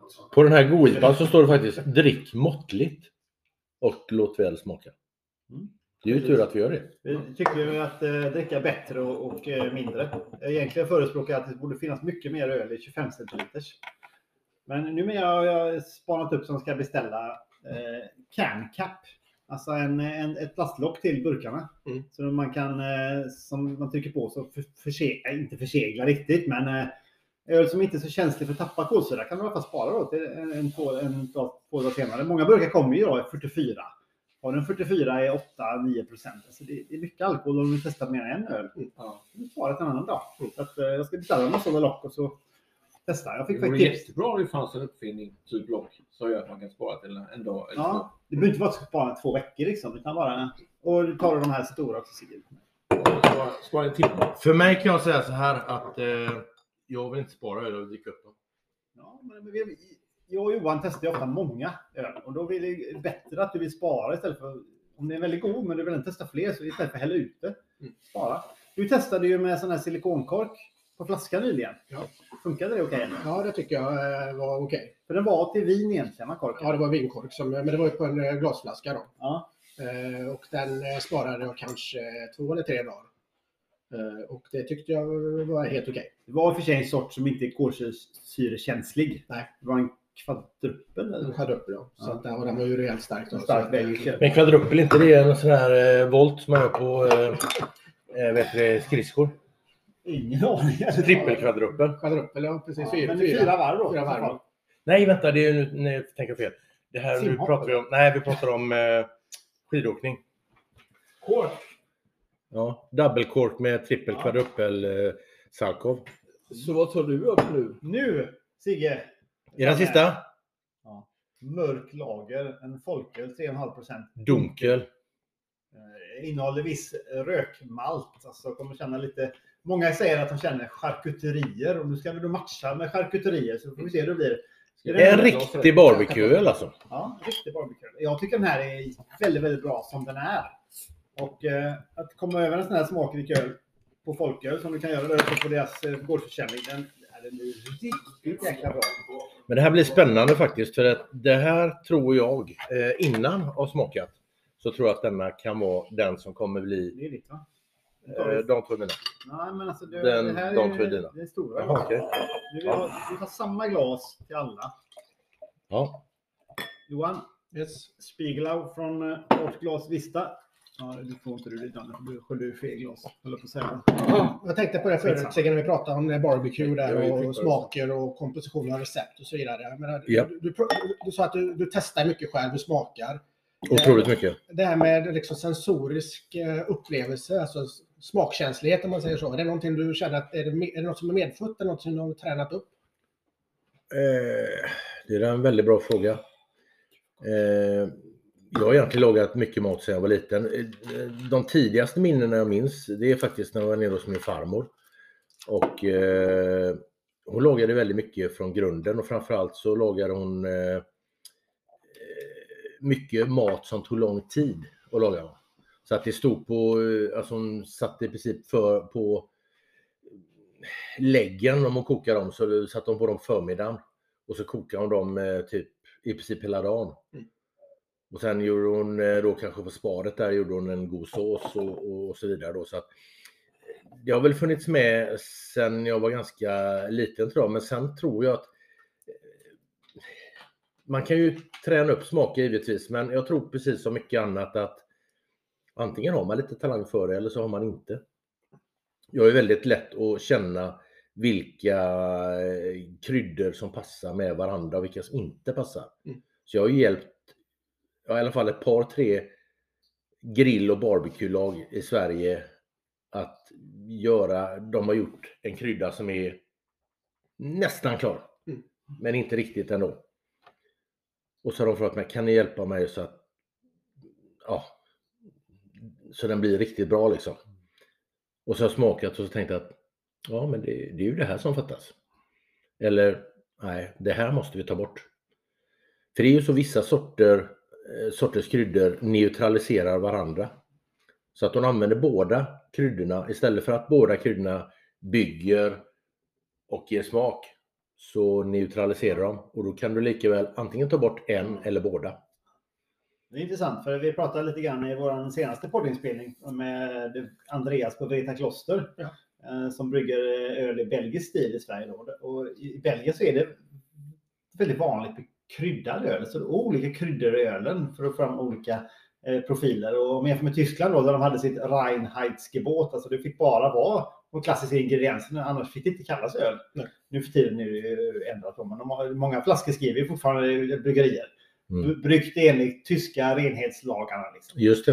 Eh, och där har de ju, då får de inte ha några sådana konstiga tillsatser alls. Men just Belgien som de, eh, de sa väl att det var för att det var så nära Holland, det var mycket sjöfart och det kom in mycket kryddor där. Egentligen kryddentrén till Europa liksom. Ja, Det var väl en story varför det blev En så. större ja. Men, eh, Precis. Absolut. Ja. Så att där är det vanligt att man har olika typer av Ja. ja. kryddningar i ölen då, som komplement. Definitivt. Medan vi provsmakar eh, Dunkel och Göteborgs nya bryggeri. Fantastiskt fin och underbart skum. Nu drar runt här lite grann med glaset. Det bildas en sån härlig skumkrona. Och den detta, doftar ju detta är folköl också då. Det är folköl. 3,5. Precis. Det är den första folkölen va? Ja, Ja, alkoholfritt var den första. Ja. Precis. Uh, ja, det är fantastiskt. Danne, vad är på gång i grillpodden? då? Du är ändå eh, 50 av grillpodden. Hur, Mm. eh, Vad är på gång där? Det är väl, ehm, vi har ju februarlov som kommer upp. Och om det är någonting som man grillar till den årstiden och det är det väl kanske inte. Men sen kommer ju påsken. Äh, stopp! Nej, det finns saker man grillar vid Du kommer kom ihåg den här slagdängan? Vi drar till fjällen. Alltså nu åker ju alla till fjällen. Så vi Vad äter man till lunch i fjällen? grillar korv alltså. Och hamburgare. Oftast. Ja. Det beror på, man kan ju äta på restaurang också, men till exempel som förra året när jag var i fjällen. Mm. Då hade jag ju precis opererat min axel. Så jag har ingenting att göra. Så jag hade ingenting att göra. Jag grillade hela dagarna. Ja. Jag stod nere i den här lilla fina grillstugan som finns uppe i Fjätervollen där vi har stuga. Så, Och grillade hamburgare och korvar. Och ibland grillade jag till och med till andra än till min familj. Så svaret på din fråga är att uh, Grillpodden kommer nu när februari börjar och det blir sportlov över hela Sverige kommer det handla väldigt mycket om vad man grillar till uh, snön, skidåkning, Mhm. sportlov, Snowboard. snowboard. Vad gillar snowboardåkare för grillat till lunch? Alltså, jag kan inte åka skidor. Jag kan bara åka snowboard. Ja. Vad äter du helst till lunch då? Gulasch.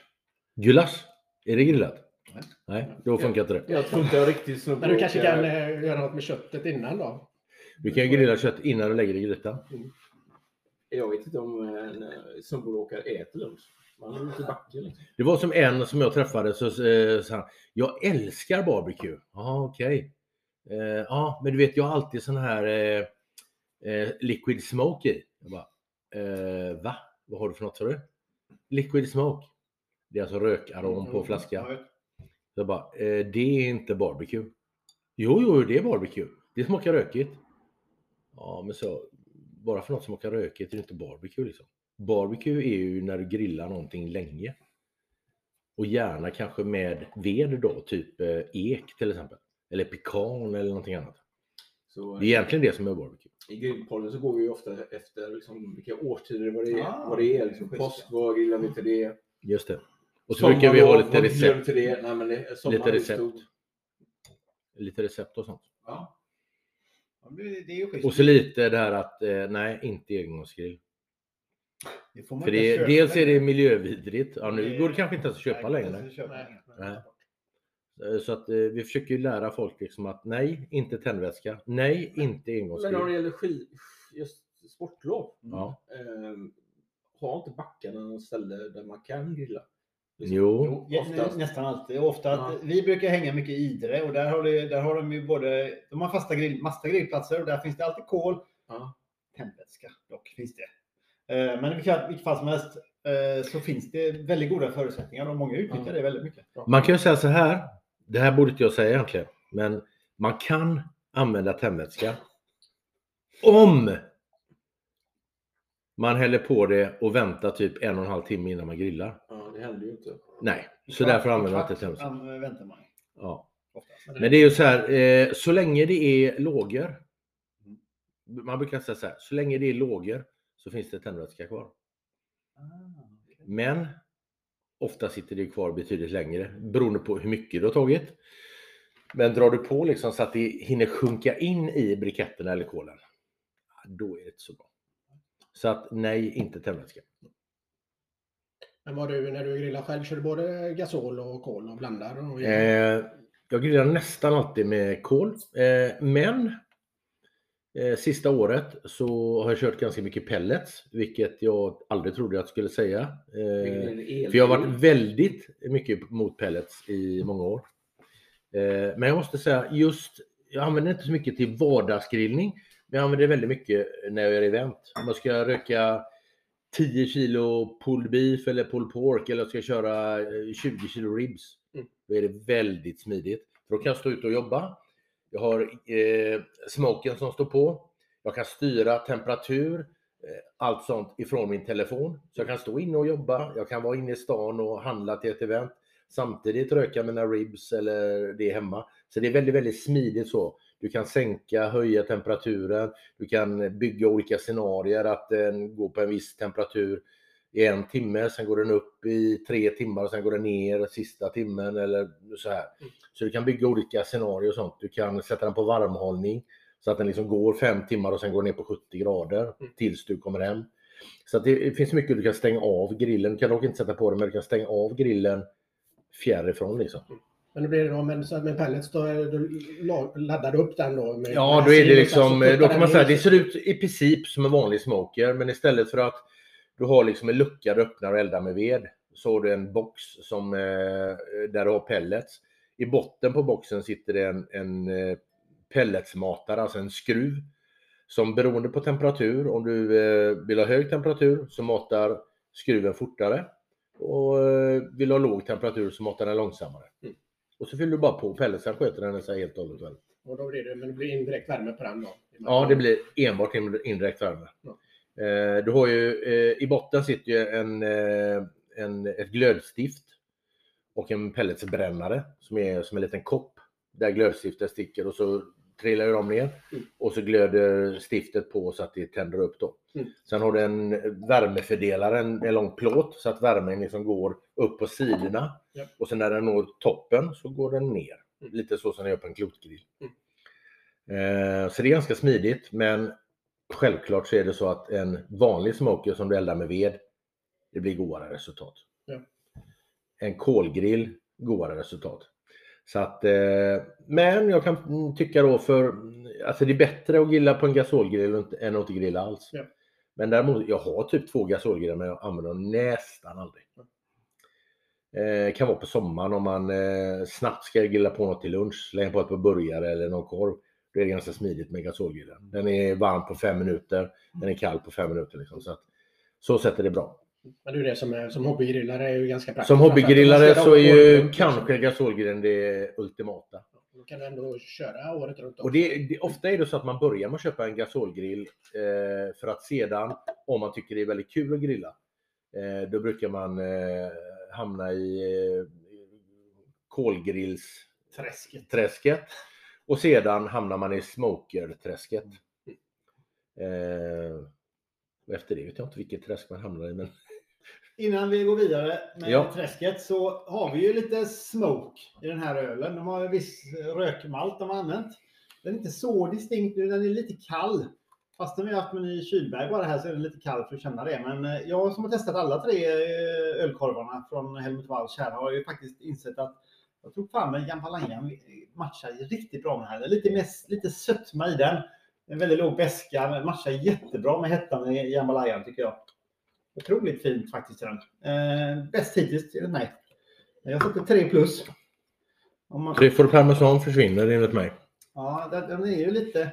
Fast den är en folköl bara. Så de här rostade tonerna tar lite överhanden. Jag håller med dig.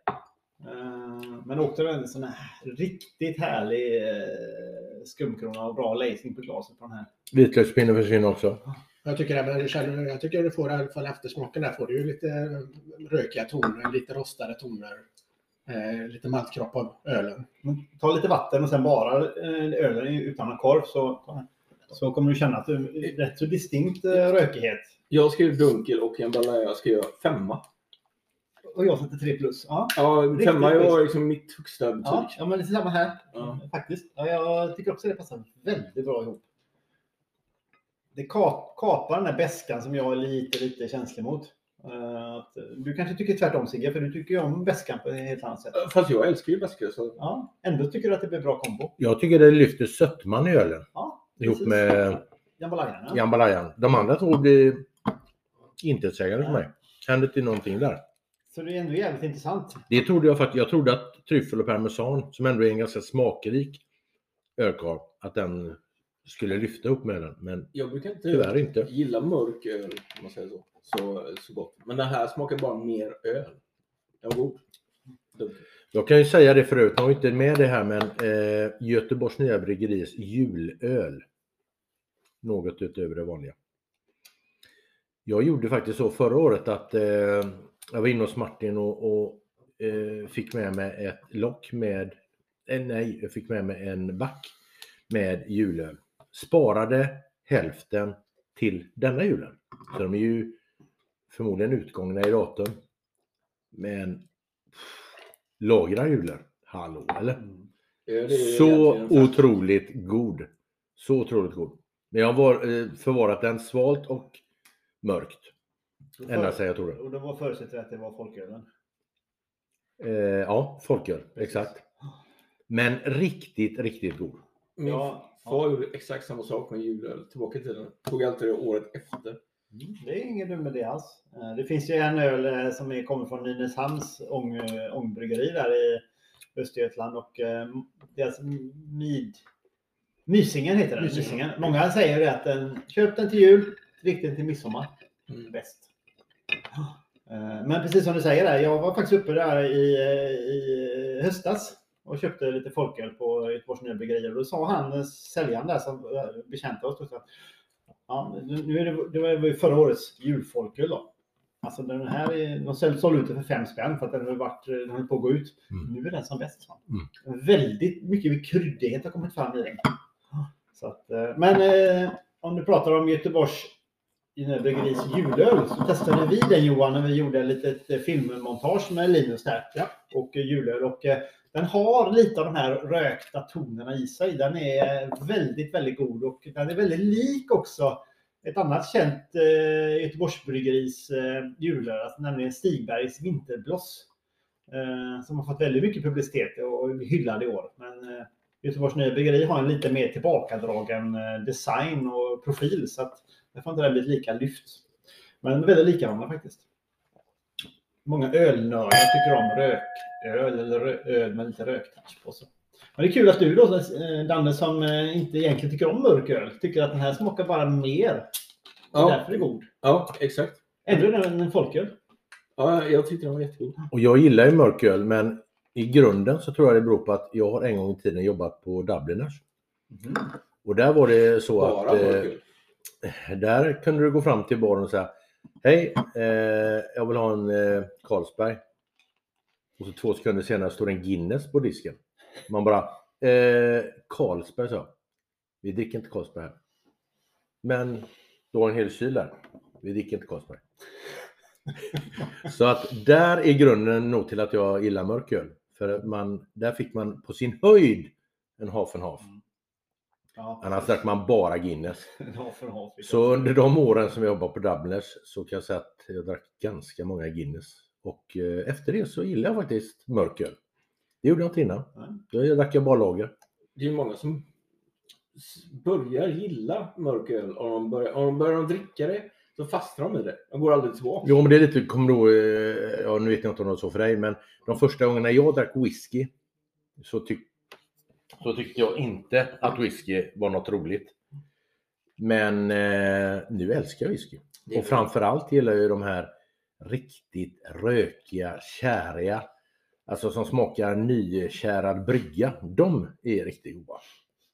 Mm, Öppna Typ som Ardbeg, Talisker, alltså de här. Lafroig.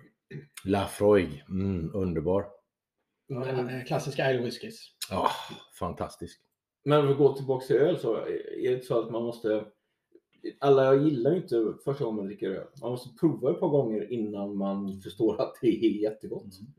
Samma grann med kaffe, kanske inte så gott första gången. Mm, Men sen lär man sig. Sen, samma sak med. Men jag, jag tror när man var ung så drack man ju bara lager. Eller jag gjorde i alla fall bara det.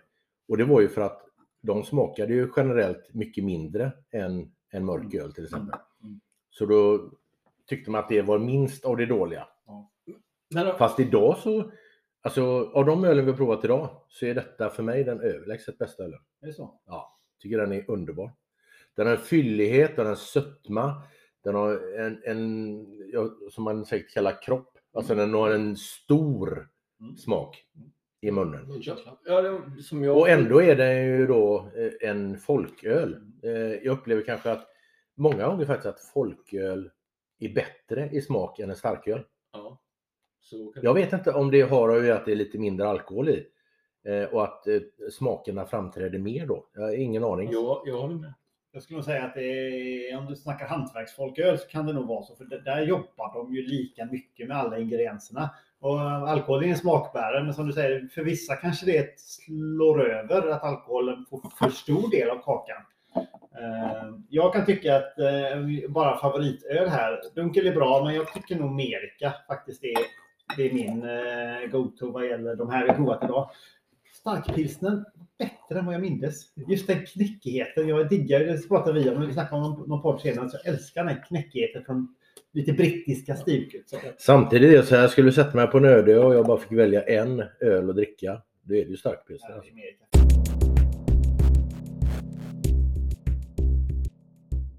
Det var ju om man backar tillbaka, när var du jobbade på Dubliners? Var det på... Eh, 90-talet, detta är på, 80-talet, eller? detta är eh, Dubliners, det är alltså 92 till 95 Ja. ungefär. Så tre år ungefär.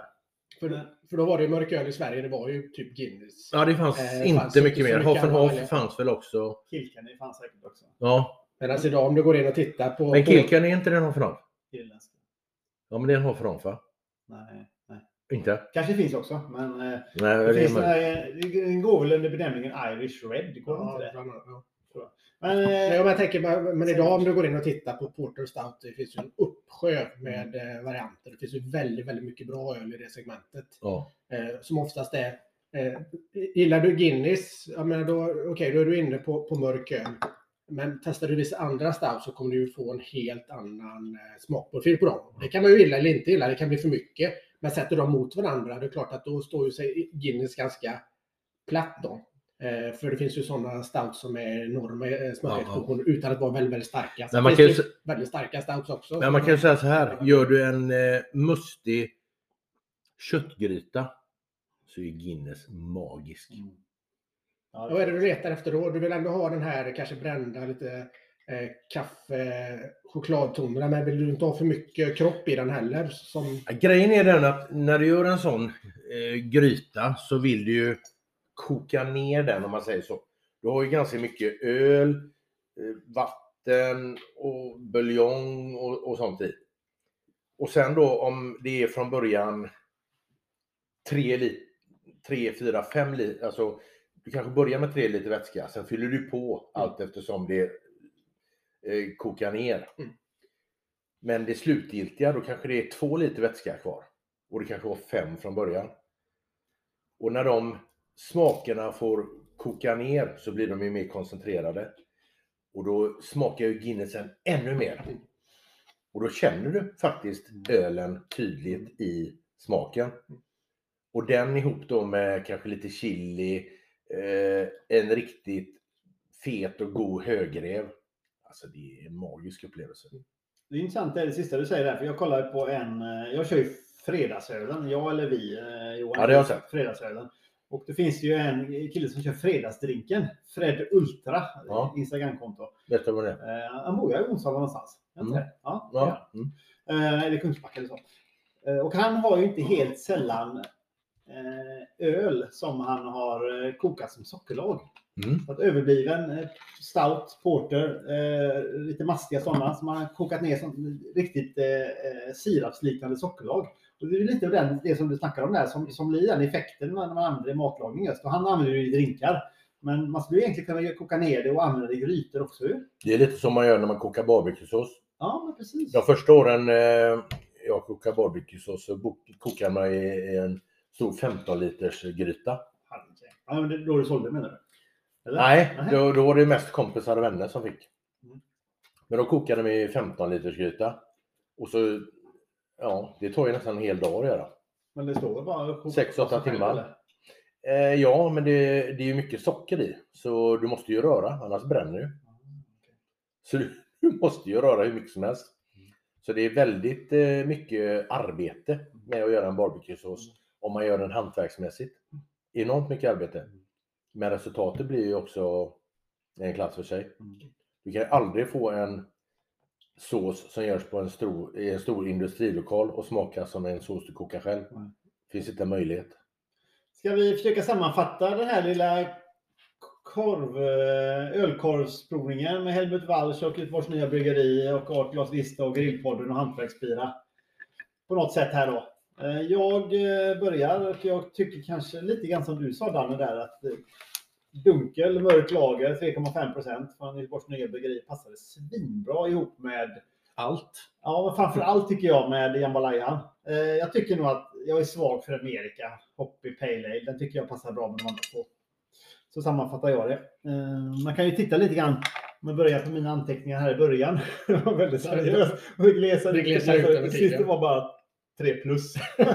Men har du gjort så, så här har jag gjort i alla fall, att jag, jag har ju satt den som jag tyckte var bäst till varje öl. Ja, men Gjorde du så, noga. eller? Det är Inte så noga. Det är inte så noga. Vad tycker du bäst om? Säg- Kontentan bara. Ja, bäst för dig. Bäst för mig är dunkel alltså, helt klart. Och Till- sen kommer starkpilsner. Dunkel till alla. Eh, dunkel till jambalaya. Precis som i övriga. Jag tycker Ja. de andra två försvann. Eh, går man sen på goipa som var den näst sista så tycker jag att vitlöken var bra. De andra försvann. Amerikan var ju tryffel och parmesan. Riktigt bra. Bra med alla skrev jag. Vitlökspinne. Mm, sådär. Göteborgs Brew Pilsner. Jambalaya. Starkpilsner. Tryffel och parmesan. Klart bäst. Och den alkoholfria vitlök.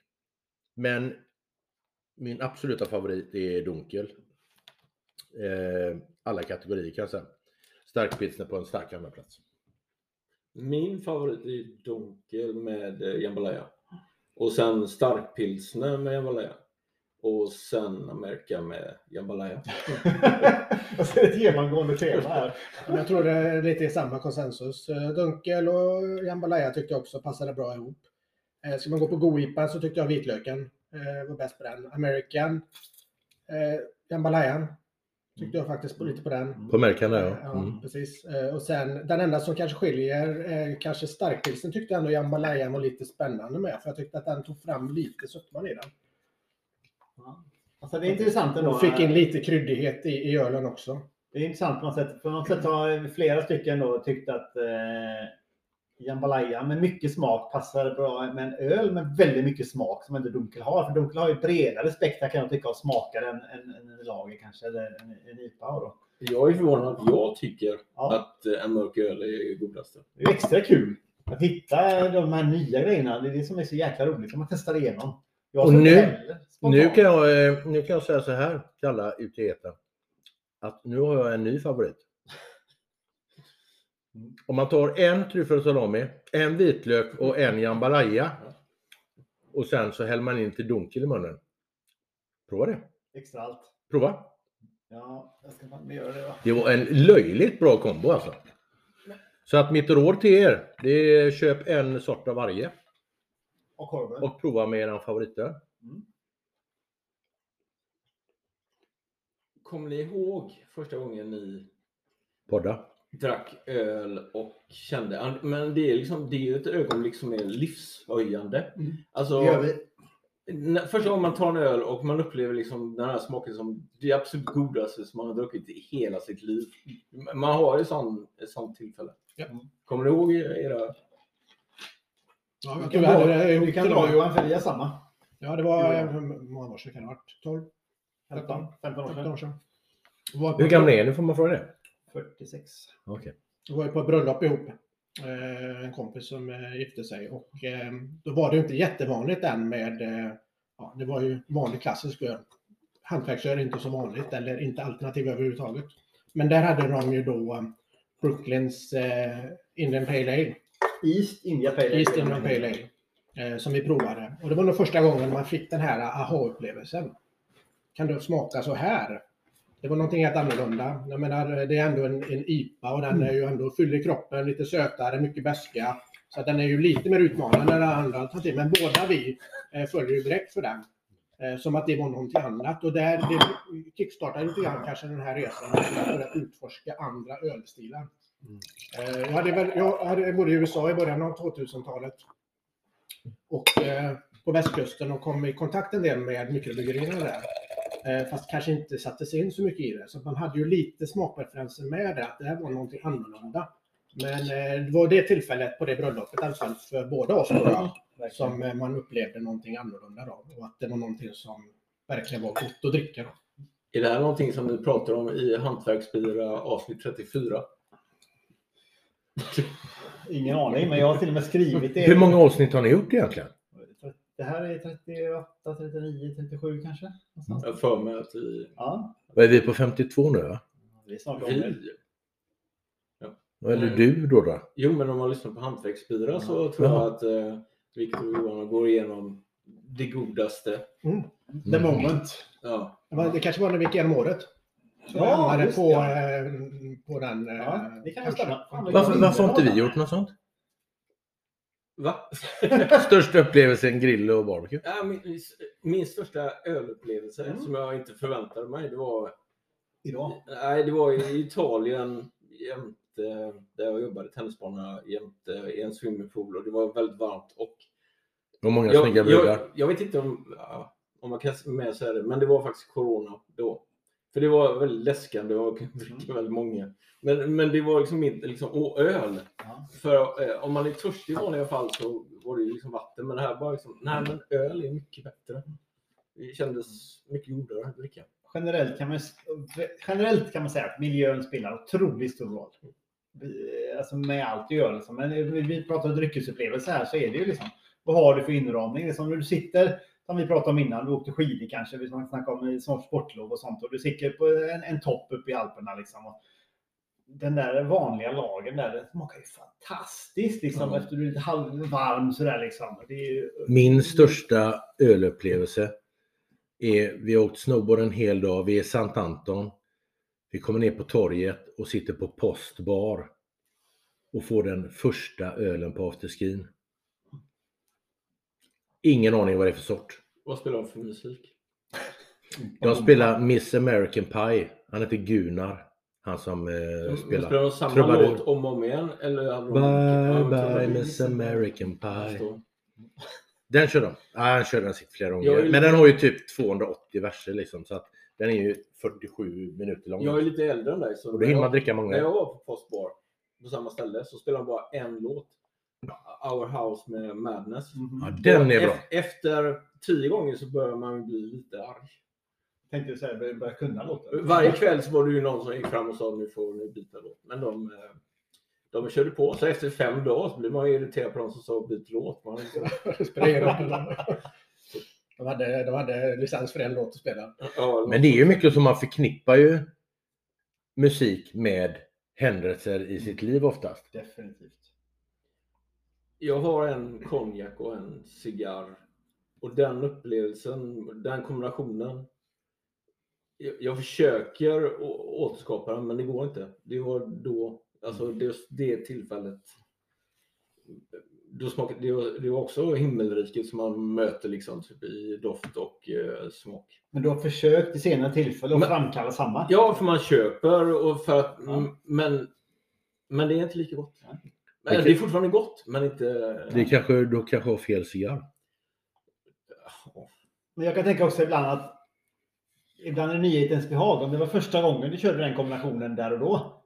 Så Ja. kan det vara så att eh, men du, man behöver testa nya, eller nya kickar, så att säga, nya miljöer, nya eh, ingredienser som man tar en, en, en konjak och en cigarr då. Eh, Så att här, det är det som vi försöker framkalla här lite grann då. Nya smakkombinationer för första gången. Jag har inte provat de här ölkolvarna med de här ölen innan. Liksom. Men vad tyckte du om alla tre ihop med Dunkel? Dunkel, eh, inte tvåan. Inte, Nej men alltså när du tog dem ihop nu på slutet. nej, det var för mycket. Nej, okej. nej, nej. Det är väl att jag gillar smaker så Jag mycket. tycker renodlat är bättre. Okej. Men om man är ölälskare, det är inte så att man har sin favorit. Men man fortfarande letar efter ännu en. ännu bättre. Man har ju till. sin go-to liksom. Alltså, inom olika, men är så, man tycker om, det är så många stilar. Så man, jag tycker om tysk pilsner om vi ska ha en pilsner. Istället för tjeckisk som du pratade om innan. Då. Jag tycker mer om beskan. Vill jag ha en IPA så finns det liksom, vill jag ha en New England IPA så har jag den typ ölen. Vill jag ha en West Coast så vill jag ha den. Och vill jag ha en Pale Ale så har jag den. Det finns så många stilar och man hittar sina favoriter inom olika stilar. Ja, och det utvecklas hela tiden. Eh, I och med att man provar. Det kommer mycket ny öl, mycket nya tolkningar och man testar nytt. Så att lite grann om man håller på eh, inom ölsvängen är ju att man, eh, det finns en öl, en nyhetshets då. Mm. När man letar nyheter istället. För att kanske bara humma in på de som man gillar och återkomma till dem då. Så att eh, oftast blir det mycket nytt, nytt, nytt, nytt. Men det är ju som du säger att man i varje stil så har man ju ändå hittat kanske sina favoriter eller några favoriter som man tycker är, eh, är mer intressant. Samtidigt- Oftast kopplade till en händelse. Ja. Alltså att du har druckit vid ett visst tillfälle när det har Mm. hänt någonting och du har fått en viss känsla för just den ölen och det varumärket. Det stämmer nog rätt bra. Eh, ingen av er som eh, lyckades prova Gatenhjelm under den tiden som det fanns? Ett litet eh, bryggeri här i Från Onsala. Det känns som heter Marie. Jaha. Marie eller Maria? Jag vet inte, hon började i liten skala och sen så blev det större och sen kom in på systemet. Och, hon hade väl tre, fyra, tre, fyra sorter. eller något Tre sorter tror jag. Spännande. Hon, fick ju, hon vann ju eh, Sveriges bästa eh, någonting. Alltså öl då, men alltså inom en viss kat- kategori. Eh, nej, magiskt bra öl. Min dröm har alltid varit att starta ett bryggeri. Bara- Eller, jag har många drömmar, det tror jag. Men det är alltid, hemma? Nej, men Då kan du göra det på, eh, på min eh, krog. För min dröm är att starta en liten krog. Ja, då har du ett Någonstans, någonstans i ett varmt och gott land. nej, men jag, Servera några goda rätter liksom. Grillade givetvis. eftersom min far jobbade på Pripps så gick man ju där liksom typ i 17 år dag och natt. Nej, men det gjorde man inte. Men ehm, den miljön, alltså doften när man kommer in och ehm, Ja, men det var därför du drack eh, Pripps Blå när alla andra eh, drack Pripps Plus. nej. Jag tror aldrig jag druckit Pripps blå nästan. Nej, det var ett skämt. Alltså. Johan, eh, intressant det här som du sa om... Eh... åh, vad var det jag skulle säga nu? Jag tycker han sa väldigt Ta lite öl, många det. intressanta saker. Var det, var det olika sorter, olika Ja, precis. Mm. Eh, Du säger det är nyhetshets och det är det ju mycket. Alltså många har haft med ticker, det finns sådana eh, ölappen Untapped, man ska in betygsätta och många vill bara ha ny öl liksom. Men vi körde vår fredagsöl igår var det en ny, för oss, eh, stil eller del av stil Ja. som är liksom över 100 år gammal, 150 år nästan. Men den är ny för oss. Så att nyhetshets behöver inte vara att det är en ny uppfunnen grej, utan det kan vara en gammal klassisk grej Men det är nytt för dig. som inte vi har provat innan. Liksom. Men folk har druckit i liksom 100 år. Det var en Icebock då som vi drack, som en, en frysdestillerad bocköl som är väldigt stark, smakrik. Som du Är det tyskt? Ja, som du uttrycker det, en bocköl på steroider liksom. Så nyhetshets kan lika gärna, gärna vara klassiskt. Har ni druckit, eh, om man tar bort kolsyran, blir det mjöd då? Typ eller som vikingarna hade tillbaka i tiden. Ja, det är ju ett eh, honungsjäst dryck. Eh, Jag har aldrig provat det. Så mjö- mjöd är ju en lite annan... Jag har druckit mjöd på en vikingafest. Ja. Så att öl har du ju korn eller havre. Det är ganska sött. Eh, Även vete ibland då. Men att Sött och är starkt. honungen som kommer med sockret in i Ja. jäsningsprocessen. Ja, jag har druckit det. Så att, men det har inte vi gjort. Nej. Men du har provat. Vad tycker du om det då? Det behöver ni inte prova. Är det inte jättegott? Nej. Men det finns väldigt många nu, eh, faktiskt svenska, eh, typ Malmö Midry och de som är väldigt, väldigt stora. Och de säljer mycket på export till Östeuropa, där det tydligen är stort med mjöd. Det kommer mer och mer i Sverige, för alla vill hitta på nya saker som du pratar om, och du pratar om nyhetshetsen. Liksom. De har ju det här på Gotland, medeltidsveckan. Mm. Då går det en del mjöd kan jag säga. När vi var där drack vi ingen mjöd. Nej. Men det var länge, länge, länge, länge. 20 år sedan. var det. Och i Stockholm har de det, finns ju restaurang, mjöd. Men det fanns säkert på när vi var på eh, Great Swedish Beer Festival, fanns säkert mjöd också. När vi valde att inte prova det. Jag tror det Malmö Midry var där. Var de med? Jag tror det. Jag tror det. Eh, Ja, ska vi sammanfatta det här spännande poddcollaben mellan Hantverksbira och Grillpodden då? Har vi någonting mer vi vill säga? Det ser ut som fan hemma hos dig här Danne nu med alla glas och flaskor och burkar och... Jag kan, pennor tycka, och jag kan tycka sammanfattningsvis att eh, ölen var väldigt god och det var korven med.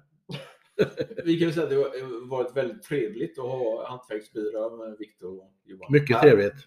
Och det gör vi gärna igen.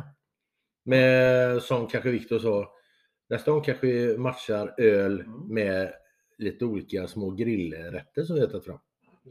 det tycker jag. var- Jag kanske grillar på lite ribs. Vi kanske har Det lite, kanske har låter, lite pulled pork. som, det låter som ribs. Ribs, pulled pork. Nej. Kanske någon eh, grillad Kan vi kyckling. inte bara hålla oss till en ribs och så provar vi vilken öl som passar bäst till det? Ja, Istället för Ja, men alltså har du fyra rätter och fyra öl så blir det ungefär samma sak fast du får fyra gånger utväxlingen.